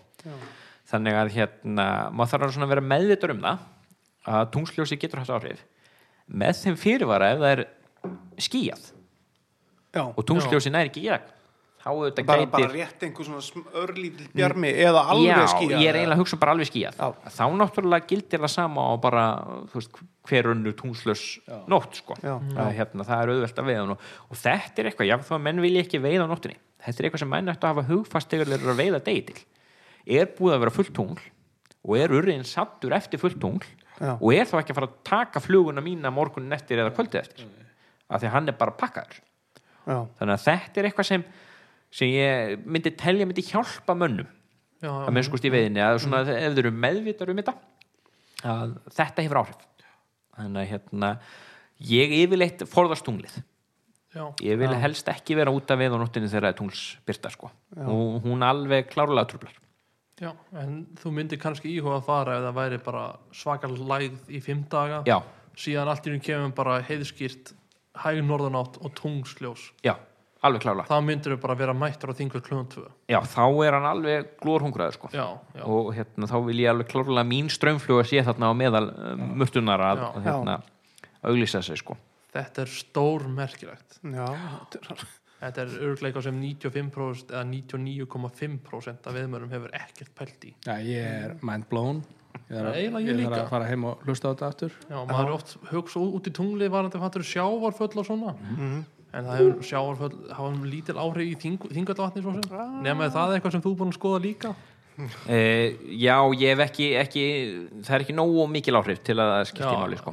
en, en hérna, ég ætla ekki að gera gera lít úr því það hefur alveg áhrif á, á fisk auðvitað sko. já, já, Hef, hefur þú tekið eftir því að, að í fullu tungli eða, eða alveg, alveg sem minnsta tungluna að sé einhver munur á já, já, já, já, já, það er alveg mikil munur sko. á tökugleði og, og hérna, veiðinni sem ég gerir sko. Flesk munar miklu um það sko. en, en svo er maður líka bráhörsamur og vill veiða og maður já, er að veiði í öllum aðstæðum og veist, það gengur og gengur ekki og, og ég meina, ég verið í tungspyrtu og fengið urriða og þú veist, ég ætla ekki að segja þessi útilokað. Nei, nei, nei, En nei, að- þetta er ágætu punktur sko fyrir eins og Haffa sem er alltaf alveg að gefast upp á þingullum að ekki fara dagana eftir fullt tungl fullt tungl Já. Já. Sem sagt, þá áttu bara enga sens já, Já, það, er svo, það er svo erfitt að segja þetta sko þú veist, Já, nei, ég er bara að tala um Haffa sko. Já, ok, ok Sko, ég mun sko alltaf segja það að ef þú ert með flug út í vatni ertu líklegri heldur en að sitja heim í sófa sko. já, já, það, þú veist, auðvitað en, en ef maður svona kannski, kannski vel út tímapunktinn þar sem maður nennir að vera í harkinu mm. Út frá einhvernum svona forsendum þú veist, velur í rauninni bestu dagan í mánuðunum mm. Já. af því að það eru bestu dagar í mánuðunum þeir eru ekki jafnir. Uh, og hugsa aðeins út í þetta þá ertu að auka líkunæðinar og ert að einhvern veginn svona þú ert að uh, hvað var að segja það er svona fiffa seðilinn þér í hag sko. líkur á lottói aukast sko. já, prósentnur þér í hag fara kannski úr einhverjum 2% í kannski 5, ég veit það ekki. Og, og fyrir færa veiðimenn úr 5 í 10 sagt það, sko.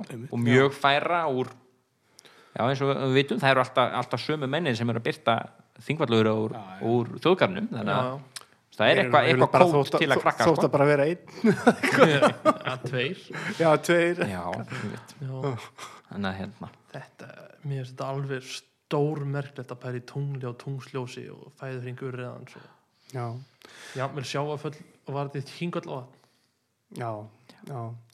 En kannski ef, ef við svona já, ef við, ég veit ekki hvort að það sé eitthvað meira sem að við getum tekið um þingvallavatni eða svona þannig en, en ef, ef þú myndir bara gefa svona já, svona í gegnum þetta sem við erum búin að tala svona veiðmaður sem að kann að kasta en kann ekkert á þingvallavatn þannig séð allar í bleikju hvert fer hann með hvað sett upp uh, já, og svo við séum nú alveg eiginlega búin við, að fara yfir það við, erum bara að, við erum að tala um bara mjög einfalt bara, þú Já, veist, byr, já. byrjum bara bleikju og svo kannski urriðan Hva, Ok. hver, hvert fer hann? Uh, Hvert á ég að fara til að ná mér í bleikju? Haffi er að fara að veiða bleikju já Hvert fer við, ég? við skulum eiginlega útiloka urriðan strax ég myndi Já. segja bara að urriðin sé þjáning í, í þjóðgarnum, hann er bara erfur og hérna og þú þarf bara, þú þarf bara að kasta veist, x oft til þess að fá hann þú þarf bara að eða tímið sko. Uh, þú getur auðvitað tekið fyrsta kastu og fengja það er, það er alveg hægt Já. en þá þýðir það að það eru tíu skost ábyggli í næsta fisk sko. þannig að hérna, við skulum útiloka það strax og tala bara um leikina mm. ég myndi fara að setja hluta júni, júli á góðum degi ég myndi vera mættur fyrir sjö mm. þar það geta vera fyrr bara veist, fyrir sjö aðeins fyrir trafikkinni Já. Ég myndi helst fara á virkundi og vera með stangalengt í, í taum af því að þá ertu svona dóldi jafn djúpur yfir staði, þú ert ekki missa svo mikið af flugum, ertu á réttu dýpi og, og svona. Og svo myndi ég einblýna á tværflugur, ég myndi einblýna á, á píkokk uh, og einblýna á krókin ef þú veiðir krókin þá myndi ég hreyfa fluguna Hraðar en svona við erum að tala um áttu figure eight Já, bara hreyfa- hreyfa- hreyfa hraðann. ör, ör hægt Já, já, já. Tight line en, en ótrúlega Ör. hægt sko. Uh, ef þú ert að veða á píkokkin og þannig er ég bara hugsa um að, því að það flækist stótt fyrir mönnum að veða á tvær sko, þó ég myndi mæla með því. En, en segjum það að þú ert að, með stangalengt og ert með eina flugu píkokk eða, eða, eða hérna, krókuri og þetta er stærð 12 og þetta er stærð 14 ég myndi ekki fara neður og ekki ofar þetta er bara svona 12, 14. pottjætt millistærð sko. Já. og ég myndi fara út á tangana og veiða bollana. Og í góðu veðri í júni, júli þá sér maður alveg bollana. Já. það eru þessir sandblettir inn á milli í hrauninu. Og kastar á þá og skoðar kortin á vefnum, bæði í þingvallabæklingnum og í hérna þessu gem, Google Maps. Google Maps. hérna, korti sko ferð bara á þessa bletti. Ég myndi bara merkin, ég ætla bara að taka þessa fjóra bletti. Veiðir þá veiðir þessa bolla og sérstaklega ská, sko, í skálanu sjálfum Já. og gefur þessu þennan tíma. Þú kastar kannski kortir hálftíma á hverjum stað bara til þess að svona, veiða af þér allan grun. Ekki festast á einu blett. Þú veist alveg að þú ert búin að telja upp á 20 á einu blett fluguna niður og veiðana í svona viff, þú veist hvað er með svona blævæng sko. Já. Þá ertu búin að kofvera svæð ef bleikin er ekki að taka þessar tvær flugur þá er hún ekki að það og ef hún er þarna þá hefur hún engan áhuga því sem þú ert að bjóða upp á. Já. Þannig að farðu bara á næsta tanga og reyndu bara við nýjan fisk. Já.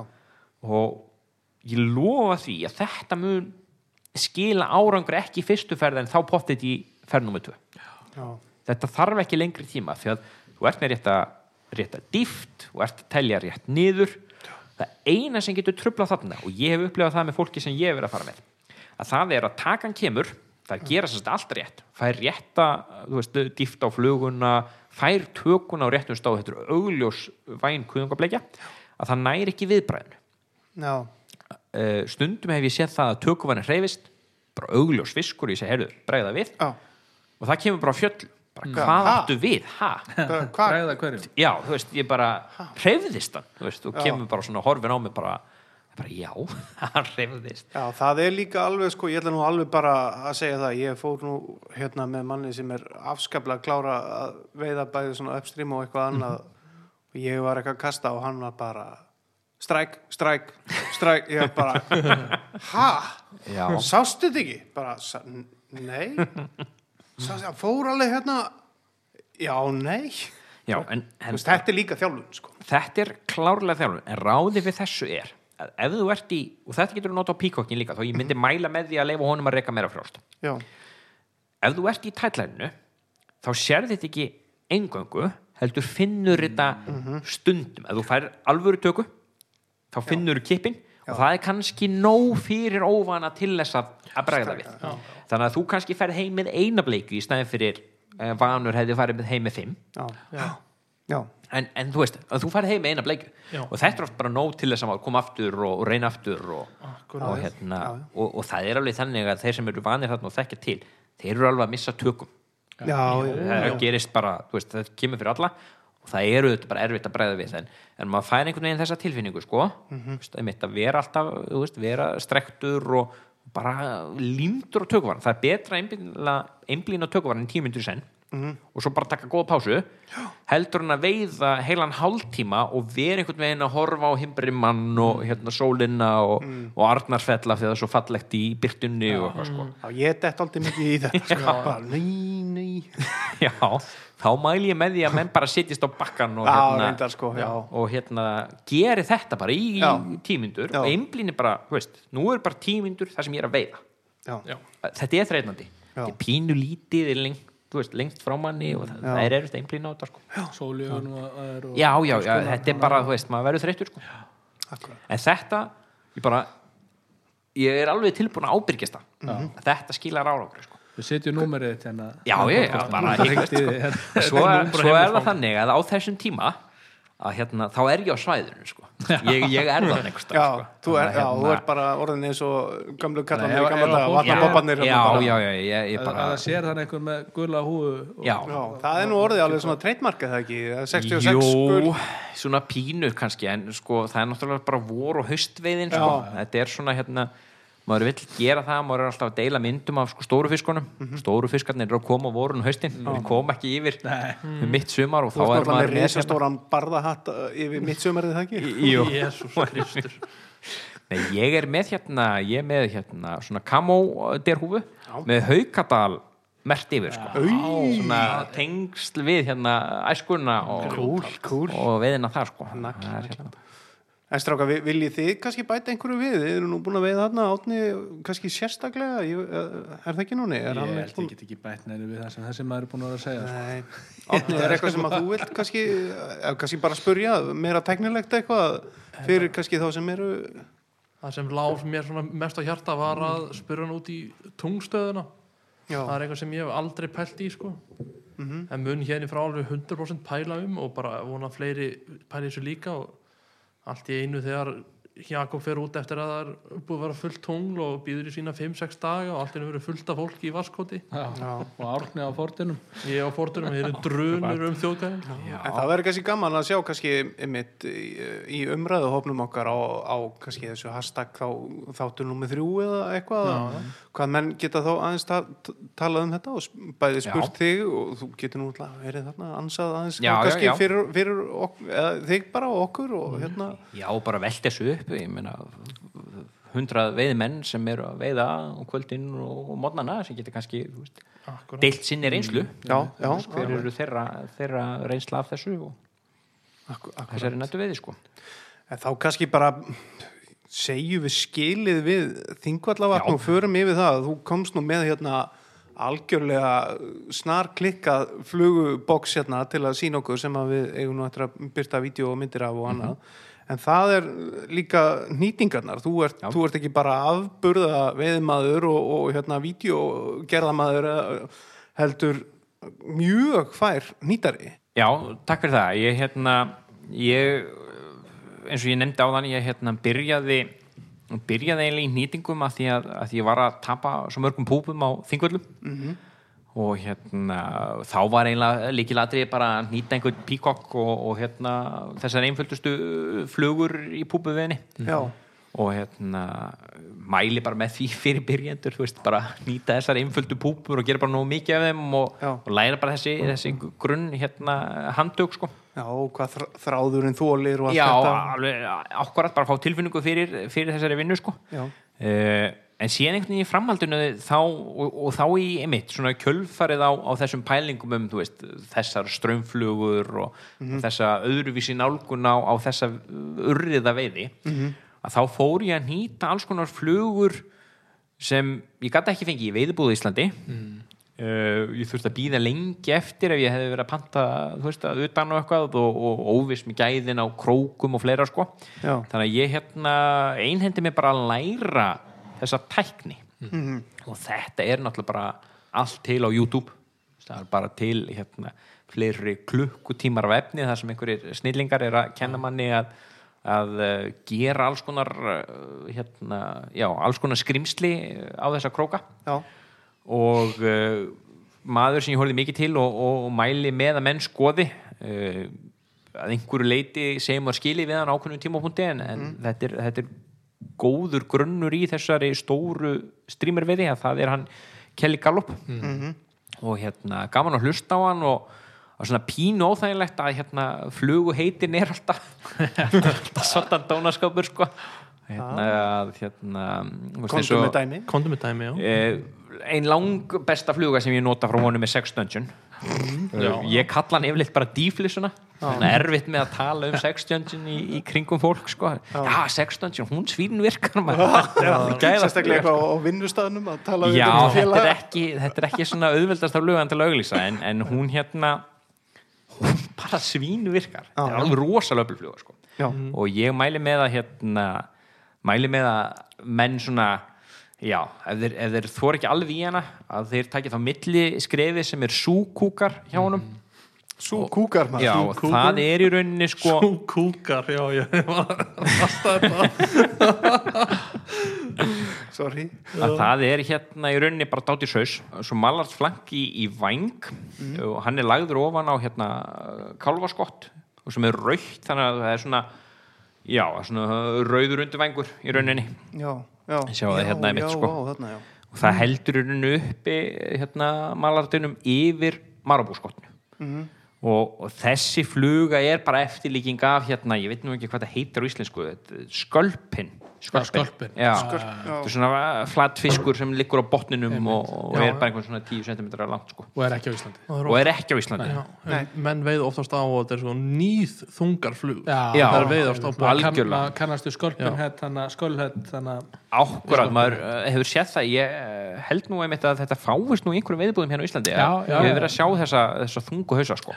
Og hérna þetta er ótrúlega falleg fluga líka þó sem hún sé þetta sé alveg svona slumma já, já, já, hún er, hún, þetta, er, þetta er nefnilega mjög þú veist, hún er bæði stór en einhvern veginn netta því að þú veist, hún, nýtir svona mælarbody mjög þétt upp að henni. Það er henni bara stór haus og svo bara eitthvað maribúskott sko. það er ekkert eitthvað mikið í gangi sko. en þessi fluga er alveg bara hún er rosaleg. Ég er bara, ég er algjörlega dýrkana. Já, já. og ég hef mikið verið að veiða í villingavatni og Já. já. þessi fluga er bara já, ég veit ekki hvað að segja sko. hún bara, hún mókar inn fiskið hana sko. Þessi þe- fluga? já, og í villingavanni já, og þetta er einmitt ekki vatn sem er þekkt fyrir mókveiði sko. Nei. bara alls ekki sko. nei, þannig að hérna, ég hef verið að, að uh, og náttúrulega með þeim fyrirvarum ára að veiða á vorin og getur ekki verið að veiða á súkúkar þarna uh, þegar gróður ringurinn er einhvern veginn mættur og þú Já. ert alltaf að flækja sko já, akkurat þannig að þú verður að hérna, þú verður að, að eh, veiða þetta á svona hægsökkvandi og, og, og strippa alltaf aggressivt inn sko. já, já, en, en þetta er alveg rosalega blufluga þar og, og hefur eins með mér og ég er mitt með hérna eintak af, af flugu sem er eiginlega, það er ekkert eftir af henni sko. nei. Þannig að hérna er hún, hún er tölvöld minni sko, og já, þetta þetta ekki er, þetta er basically sama fluga? Þetta er sama fluga, hún er nýtt bara mitt, eh, þannig að hún er 5 cm cirka, 5 til 7 eitthvað svo leis já, og, og það er bara búið að því að það er bara, Mm. það er búið að negla hana þá oft sko. Já.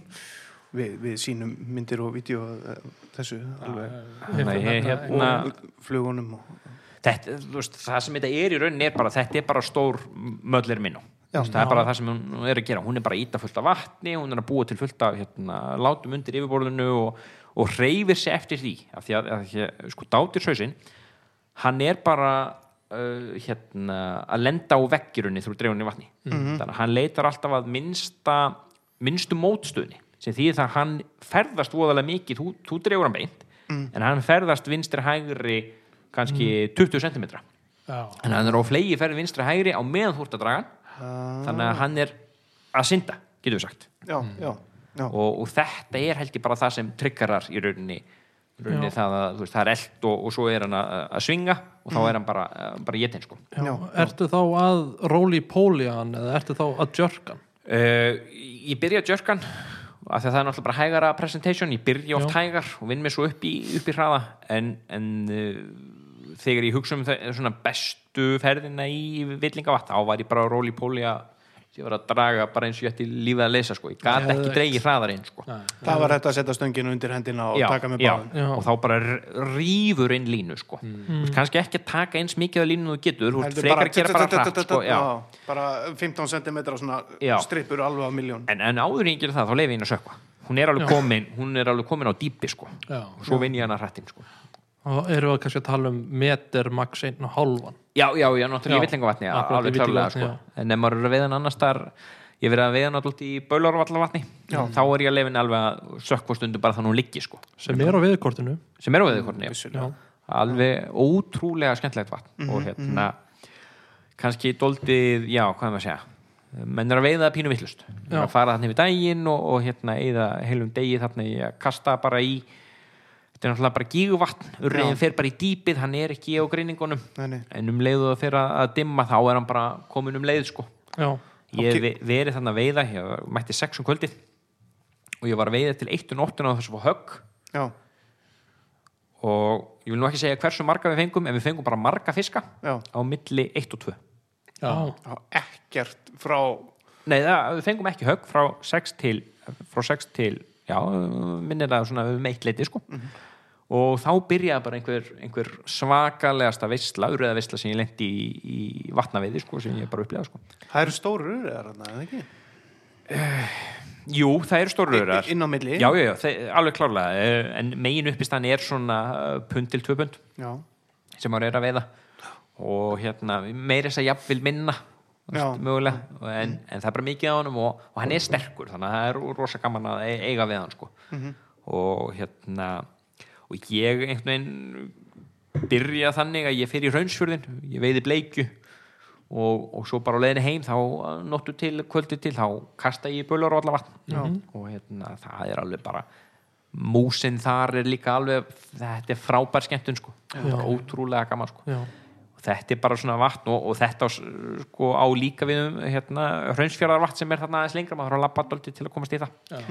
Að hérna, það sama á við um þar fiskurinn kemur þegar, þegar kvöldar upp að grinningunum og maður einhvern veginn og græðir ekkert á því að kasta þarna degi til. Þetta getur maður alltaf slýsast á fisk? Já, já, en ég er að tala um það að það bara einhvern veginn það er eins og þessi kveikt á vatninu á nóttinni ótrúlega já.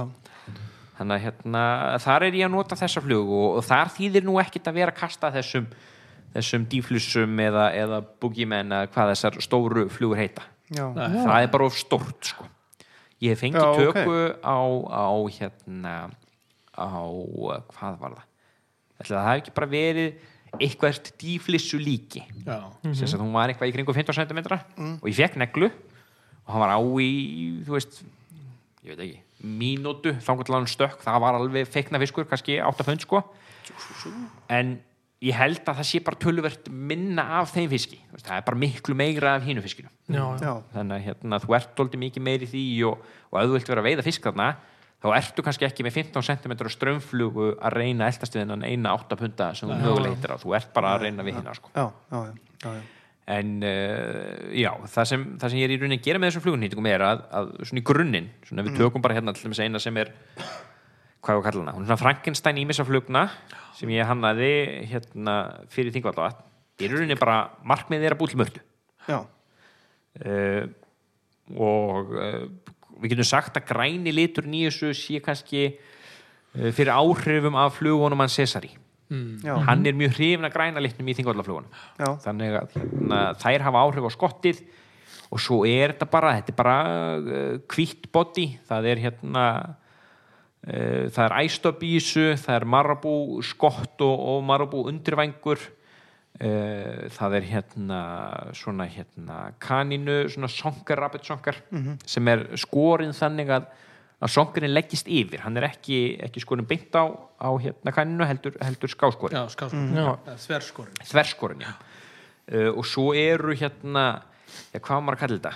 Uh, sko hlýðara vangir, það er ekki undir vangur heldur svona uh, sikkur megin við hliðin á flugunni til að búa til smá hérna já, smá uh, hvað við segja einhverja, einhvern svona eitthvert útlitt á flugun annað en bara hvít, hvítan bóti sko. þetta, þetta er meira fyrir veiðimannin heldur en, heldur en fiskin sko.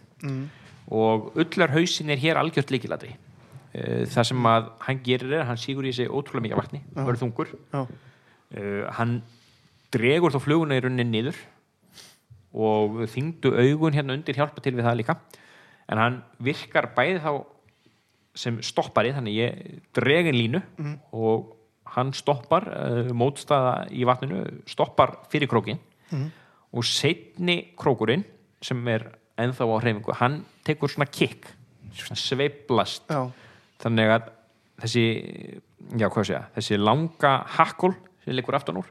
Hún tekur alveg, veist, það er eins og hann beigi algjörlega 90 gráður í vatninu. Og, og þetta er leikiladrið í rauninni að mínu viti í að fá urðan til að taka. Hann sér eitthvað ferlíki, það glitrar á þetta þetta er hvít, þetta lítur út svo mörta hann kíkir og svo kemur tilkikið og hann bara neglir það. Og hérna þetta er í rauninni grunnatrið við allar þessar flugur og, og það sama á við um búkimenn þetta, er- þetta er sama koncept og bara lítur aðeins öðru út. Já. uh, sama við um hérna sex dungeon með ullarhaus. Uh, sama við um, um murtuna sem ég hannaði í, í einni flugunýtingakettin sem ég tók þátt í. Já. þetta er, þetta er allt sama konceptið þú vilt eitthvað sem stoppar uh, fremri krókin af þannig að þú fáið kikkið. Já. og, og djörg eh, strippið uh, á línunni, þetta er bara það er líkilatri í þessari reyfingu Já.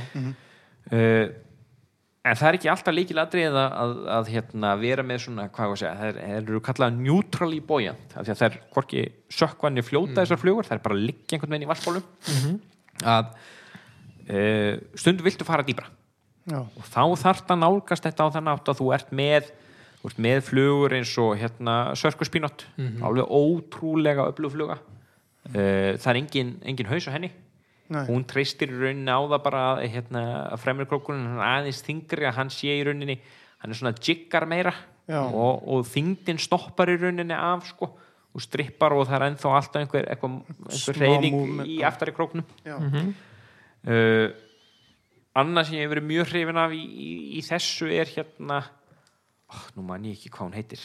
Hann hérna Troutbitten, hann Dominic sem er með rosalega skemmtilegt blogg. Þetta er mælt með honum, hann, hann nýtir þessar flugur fyrir urðan og, og hérna, hún er rauninni bara með keilu að framann sko, það er bara sama koncept og hérna, og það er uh, einhver svona mallart uh, hérna mallart vöf sem er vafin utanum marbú, hún er ótrúlega ótrúlega flott. Uh, ég finnst að ekkert fengi eitthvað rosalega marga fisk á hana en mér finnst hún eitthvað mér finnst hún eitthvað voðalega veðileg. Hún mm. heillar mig sko. uh, en svo ef við förum aðeins úr þessu stóru stóru strömmflugu og, og förum þá bara í yfirbórsveiðina þá er þá er músaveiðin doldið, doldið málið. Og þar er ég í hérna uh, Master Splinter sem hérna Joe hvernig ber maður nafnið fram, Joe Sermíl nýtti. Og hún byggir í rauninni bara á það er bara svona görgler body hefði, hefði hérna kannist við görgler flugurnar. Með bara í rauninni skotti og, og hérna sonker vöf þannig að, að það er eitthvað sem svona er að trubla vatnið og Já. hérna og uh, er í rauninni þannig að, að þetta er í rauninni bara fóm og, og sonker, það er ekkert annað sem er í gangi þarna. Og, og, og megin markmið er bara búið til vaffið. Já. Uh, ég hef nýtt aðra mís og hérna ein er að byggja í rauninni á sonkerhaus og, og svo bara marubú skottu og svona rubberlegs. Já, uh, þessi hefur ekkert verið að virka neitt sérstaklega fyrir mig en hún lítur voðalega vel út. þetta er bara nákvæmlega eins og mús. Já, þetta er bara, það er í rauninni máli ég hérna uh, ég let hann hérna andra hafa nokkrar af, þessu hann, hann hérna fekk hjá mig nokkra flugur. Andri Fannberg þá? Já, áhverð, er maðurinn. um að prófa. Og ég hef ekkert heyrt frá hann hvort þetta hafi virkað þannig ég einhvern veginn efast um að þetta hafi virkað hjá honum en þetta hefur ekkert gengið hjá mér heldur sko. Svona létt skot á hann andra vinn minn. Hann er pínu eins og Haffi nú, hann er Svona svona, já, myndarlegur maður sem mætir á staðin og fæir síðan e- ekkert endilega fiskarinn sem er að eldast við. En hann, hann er á leiðinni núna í brunna og er að hlusta hlusta á þættin okkar. Nú er, er hann á leiðinni brunna? Á já, þá, þá brýtur hann þessa bölvun. Já, já, en ég verð að spyrja út í hann að músapatterinu og það, ég verð að veiða svolítið mikið á möllar minn og í vatni á Suðurlandi, þetta er ekki að segja hvað vatnið er en það er, vatnið er byggt svolítið á veiðvatnastofni og uh, urriða af veiðvatnastofni og um, sjóbyrtingi úr grenlæk Já, ok. Það eru stórir, stórir urriðar í litlu vatni og ég er að veiða með þessum möllir í yfirborðinu og ég er að lendi því að fiskanir koma allir upp úr á eftir möllinu Já, ákvarðat og ég er að að gera svona vaff þá er ég einmitt kannski að veiða á nætunar og það er kannski lítið svona kattisklaka eða eitthvað. Einmitt. og ég sé þá vaka og ég kasta á þá hingar aðeins og síðan er ég bara róli-póli að möllurinn inn. Og þeir eru að koma allir upp úr stundum sko í áttina að flugunni frá flugunni eða undir flugunni. Já, bara, já, úr þetta er sko, ég er bara að tala um bara þetta er urriðin í þessu vatni kannski 1-2 pund meðastærð en ég fengi 65 cm stæðist. Og ég er, ég er að fá kannski 40-50 cm urriða á möllir og hann er að sko, hann, hann mistir flugunni, ég, ég veit sko möllir í þessu vatni er kannski endast í þrjá fiska. Já, ég, ég sé þetta hjá þér, það er hérna, þetta er styrlað. þú fóst með mér í, í, í hennar poll. Já, í legum vöðlum og eldi þig á meðan þú varst á bellibát. mjög það er þetta er svo, vatni er bara 90% gróður. Þetta er upp á heiðið hana. Já, einmitt. Og þú ferur frá þessu vatni og þú er bara hvaða djöfisur drullupoltur er þetta? Síðan sérð þú mig kannski á beljubátnum fljótandi þvert í vatni og urrið hann stökkva eftir En þú vilt ekki nóni, gefa, gefa, nei, já, eða, eða átni, gefa, gefa, gefa þetta upp? nei, nei, aldrei nokkuð tíma ég skal gefa þetta upp. Þetta er á milli hverafall og víkur. Já, þetta, já, það er ekkert annað. Já, Já, ég hérna sko, bara þess að mís Já, það er til alveg frábært myndband frá Nýjasjálflandi um uh, sko, uh, það, það er músafaraldur í Nýjasjálflandi já, og hann er bara til vandræða að Já, hérna, ok. þær, þær fjölgar sér og fjölgar sér á einhverju sjö ára fresti ég man ekki hvernig það var og, Mm. og, og hérna svo verða svo svangar það verður ekkert að að borða.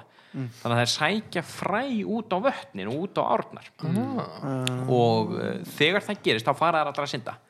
Og urriðin þar, hann bara dælir í sér músum bara getur endurlöst af þessu og það eru til alveg ótrúlega, ég held að þetta er Fjordland, Fjordland Más, eitthvað svoleiðis myndbandið, það eru til ótrúlega hérna, flottar myndir af þeim, hvernig þeir sko veiða mísnar, að þá sko þá drekja þeir þeim slá sporðunum í þær fyrst og svo geta þær þegar þeir eru að sökva já, þannig að sko það er sko árásinni mitt, ég get ímynda mér á möllinni sko, þetta er bara, þetta er, þetta er bara þeir komi í loftkostu sko, þeir bara negla músina, þeir eru bara rótana já þeir eru bara rótana sko.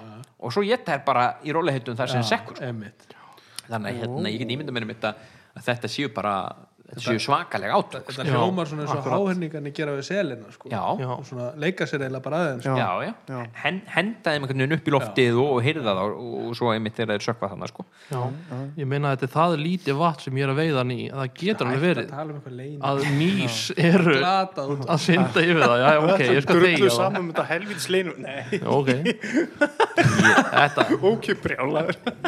Já, ég, hérna, ég er alveg vissum að sko, þú veist, mís eru mjög færir eh, já, það eru mjög færar í vatni sko, það synda, mjög duglegar að synda sko. Já, Eh, þannig ég einhvern veginn hef alveg trúið að þær syndi þegar þær þurfa þær sko. já, ég meina það er ekki ástæðu lausu. Ég veit ekki hvort þið muni eftir það var hann einhver urri í lagsói mís sem var með einhverja 16 mís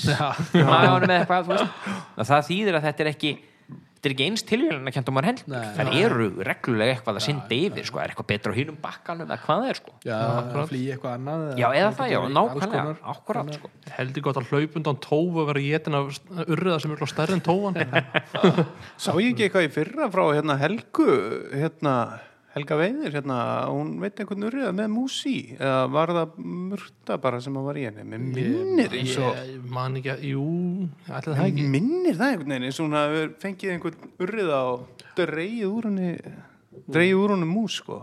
Kannski fara hana til að senda okkur mynd ef það gerðist. Já, ef það gerði Já, hún ans, ansar þessu, hún, hún, hún hérna, hún sendir, hún sendir mynd uh, og ef, ef ekki þá finnur hún kannski mynd á netinu og sendir á þið bara af sambarlegum hlut. Já, já, já, já, já, já, já.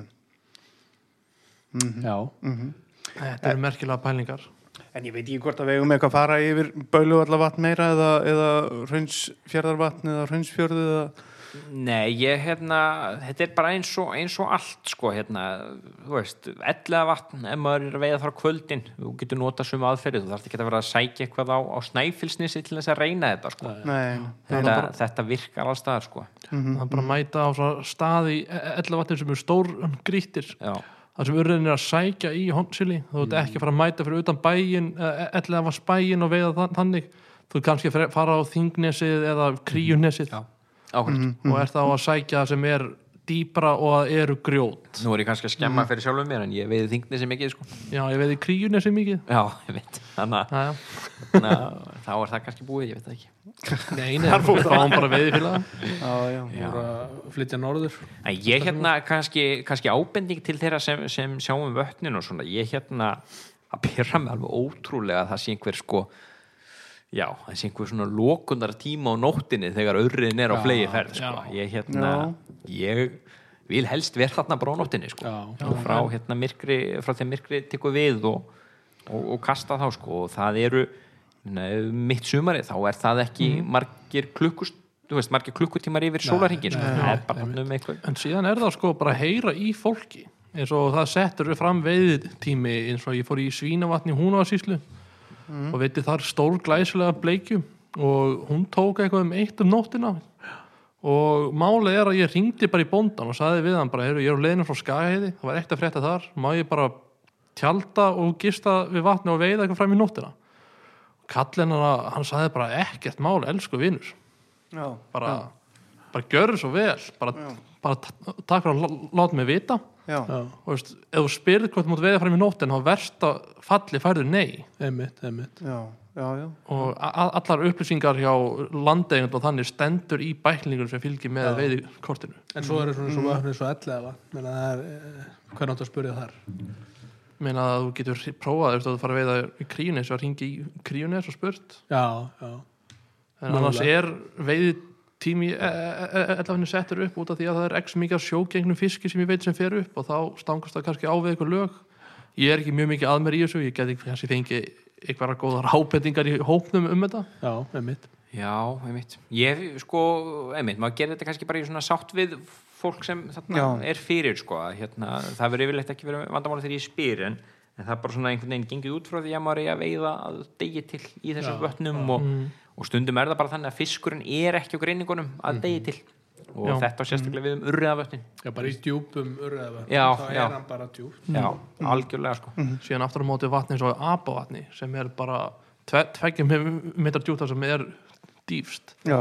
þar er fiskurinn bara jámel við bakkan allan sólarsingin. Hann getur ekki farið djúpt Nei, Já, hann getur ekki farið djúpt það er bara, þú veður út af mitti og kastar út, þá það að kasta kannski á dý, dýfsta partin í vatninu akkurat.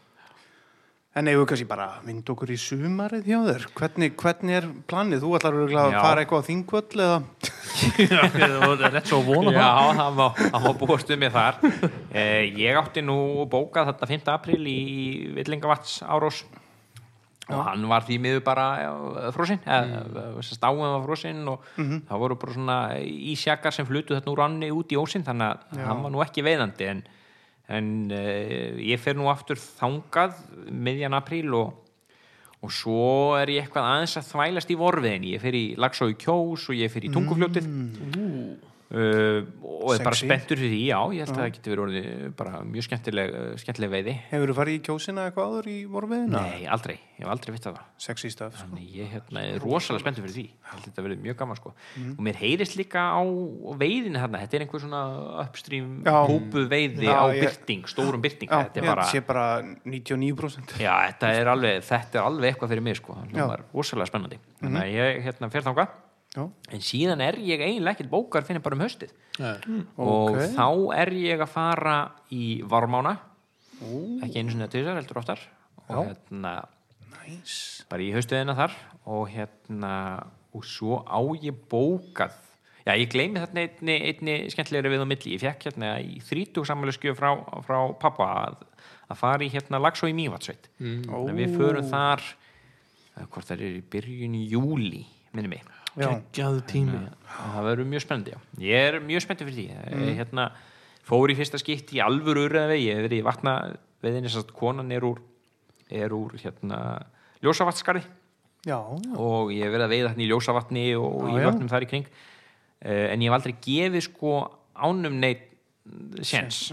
Já. og í fyrra fór ég í fyrsta skipti í, í hérna Lagsá, fór ég í hérna staðartorfu og svo fórum við Arnavatsána sem rennur þarna sem er litla krullega á sem rennur þarna úr Lagsá í og svo aftur í Lagsá í og það var bara það var bara ótrúlega gaman. Það var bara algjört æfintýri sko. Já.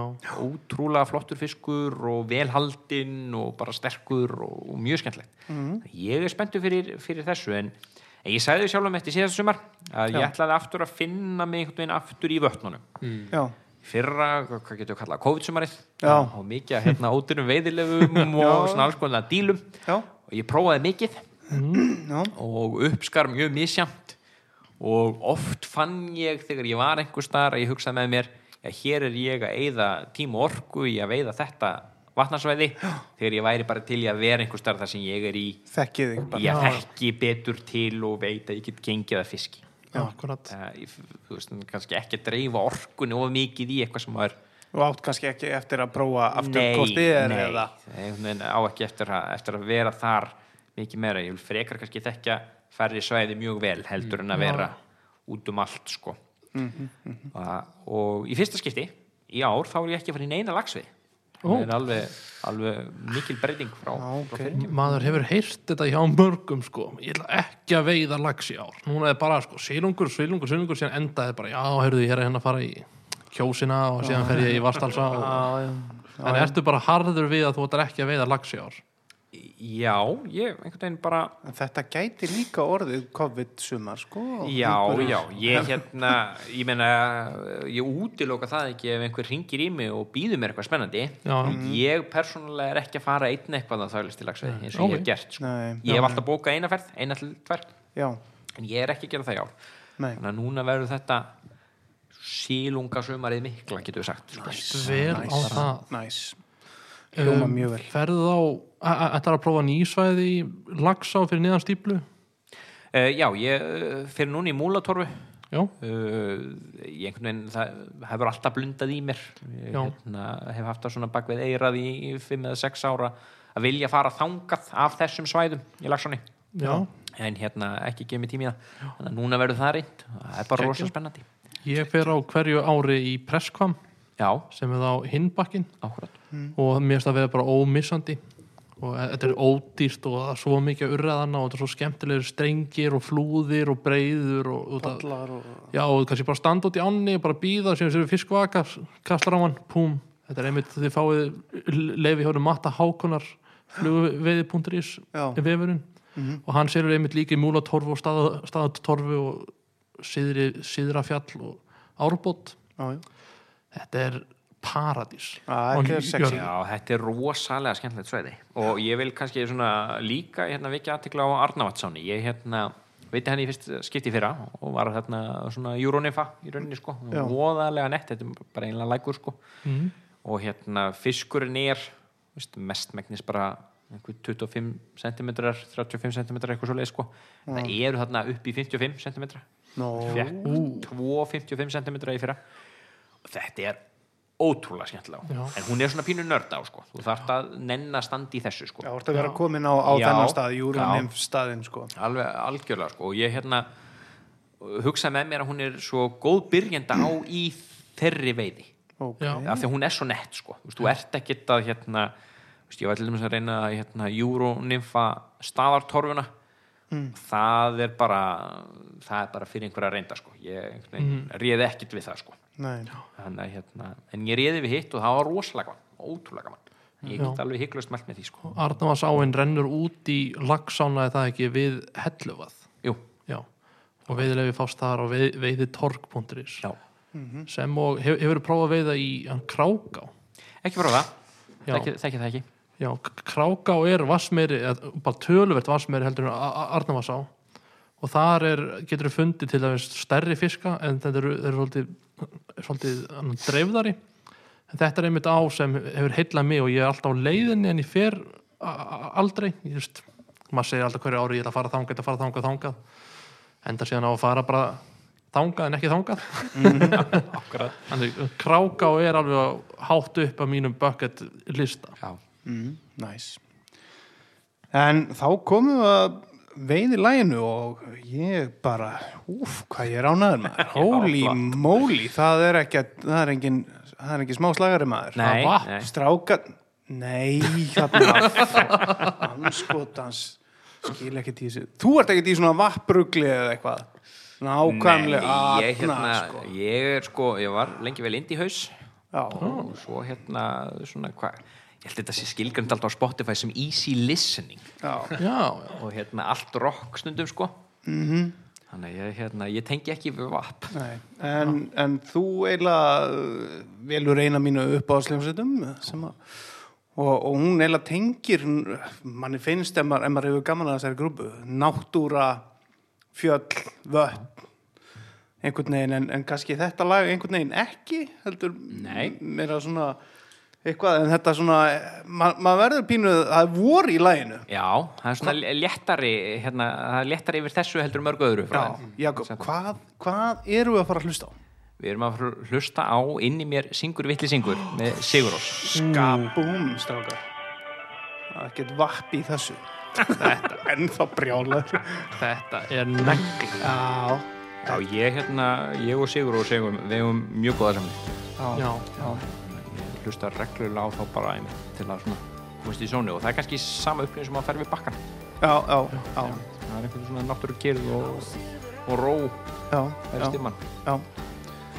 Ég var, ég var, ég var ekki bara þakka klingi út á þessu og bara segja Jakob bara takk fyrir bara ótrúlegar upplýsingar bara fyrir Nýr heimur nýr, nýr heimur fyrir veiðmenn algjörlega. Takk fyrir mig, rosalega gaman að koma á Skjallavíkur og, og nördast pínu. Mjög, Æðislegt. takk hérlega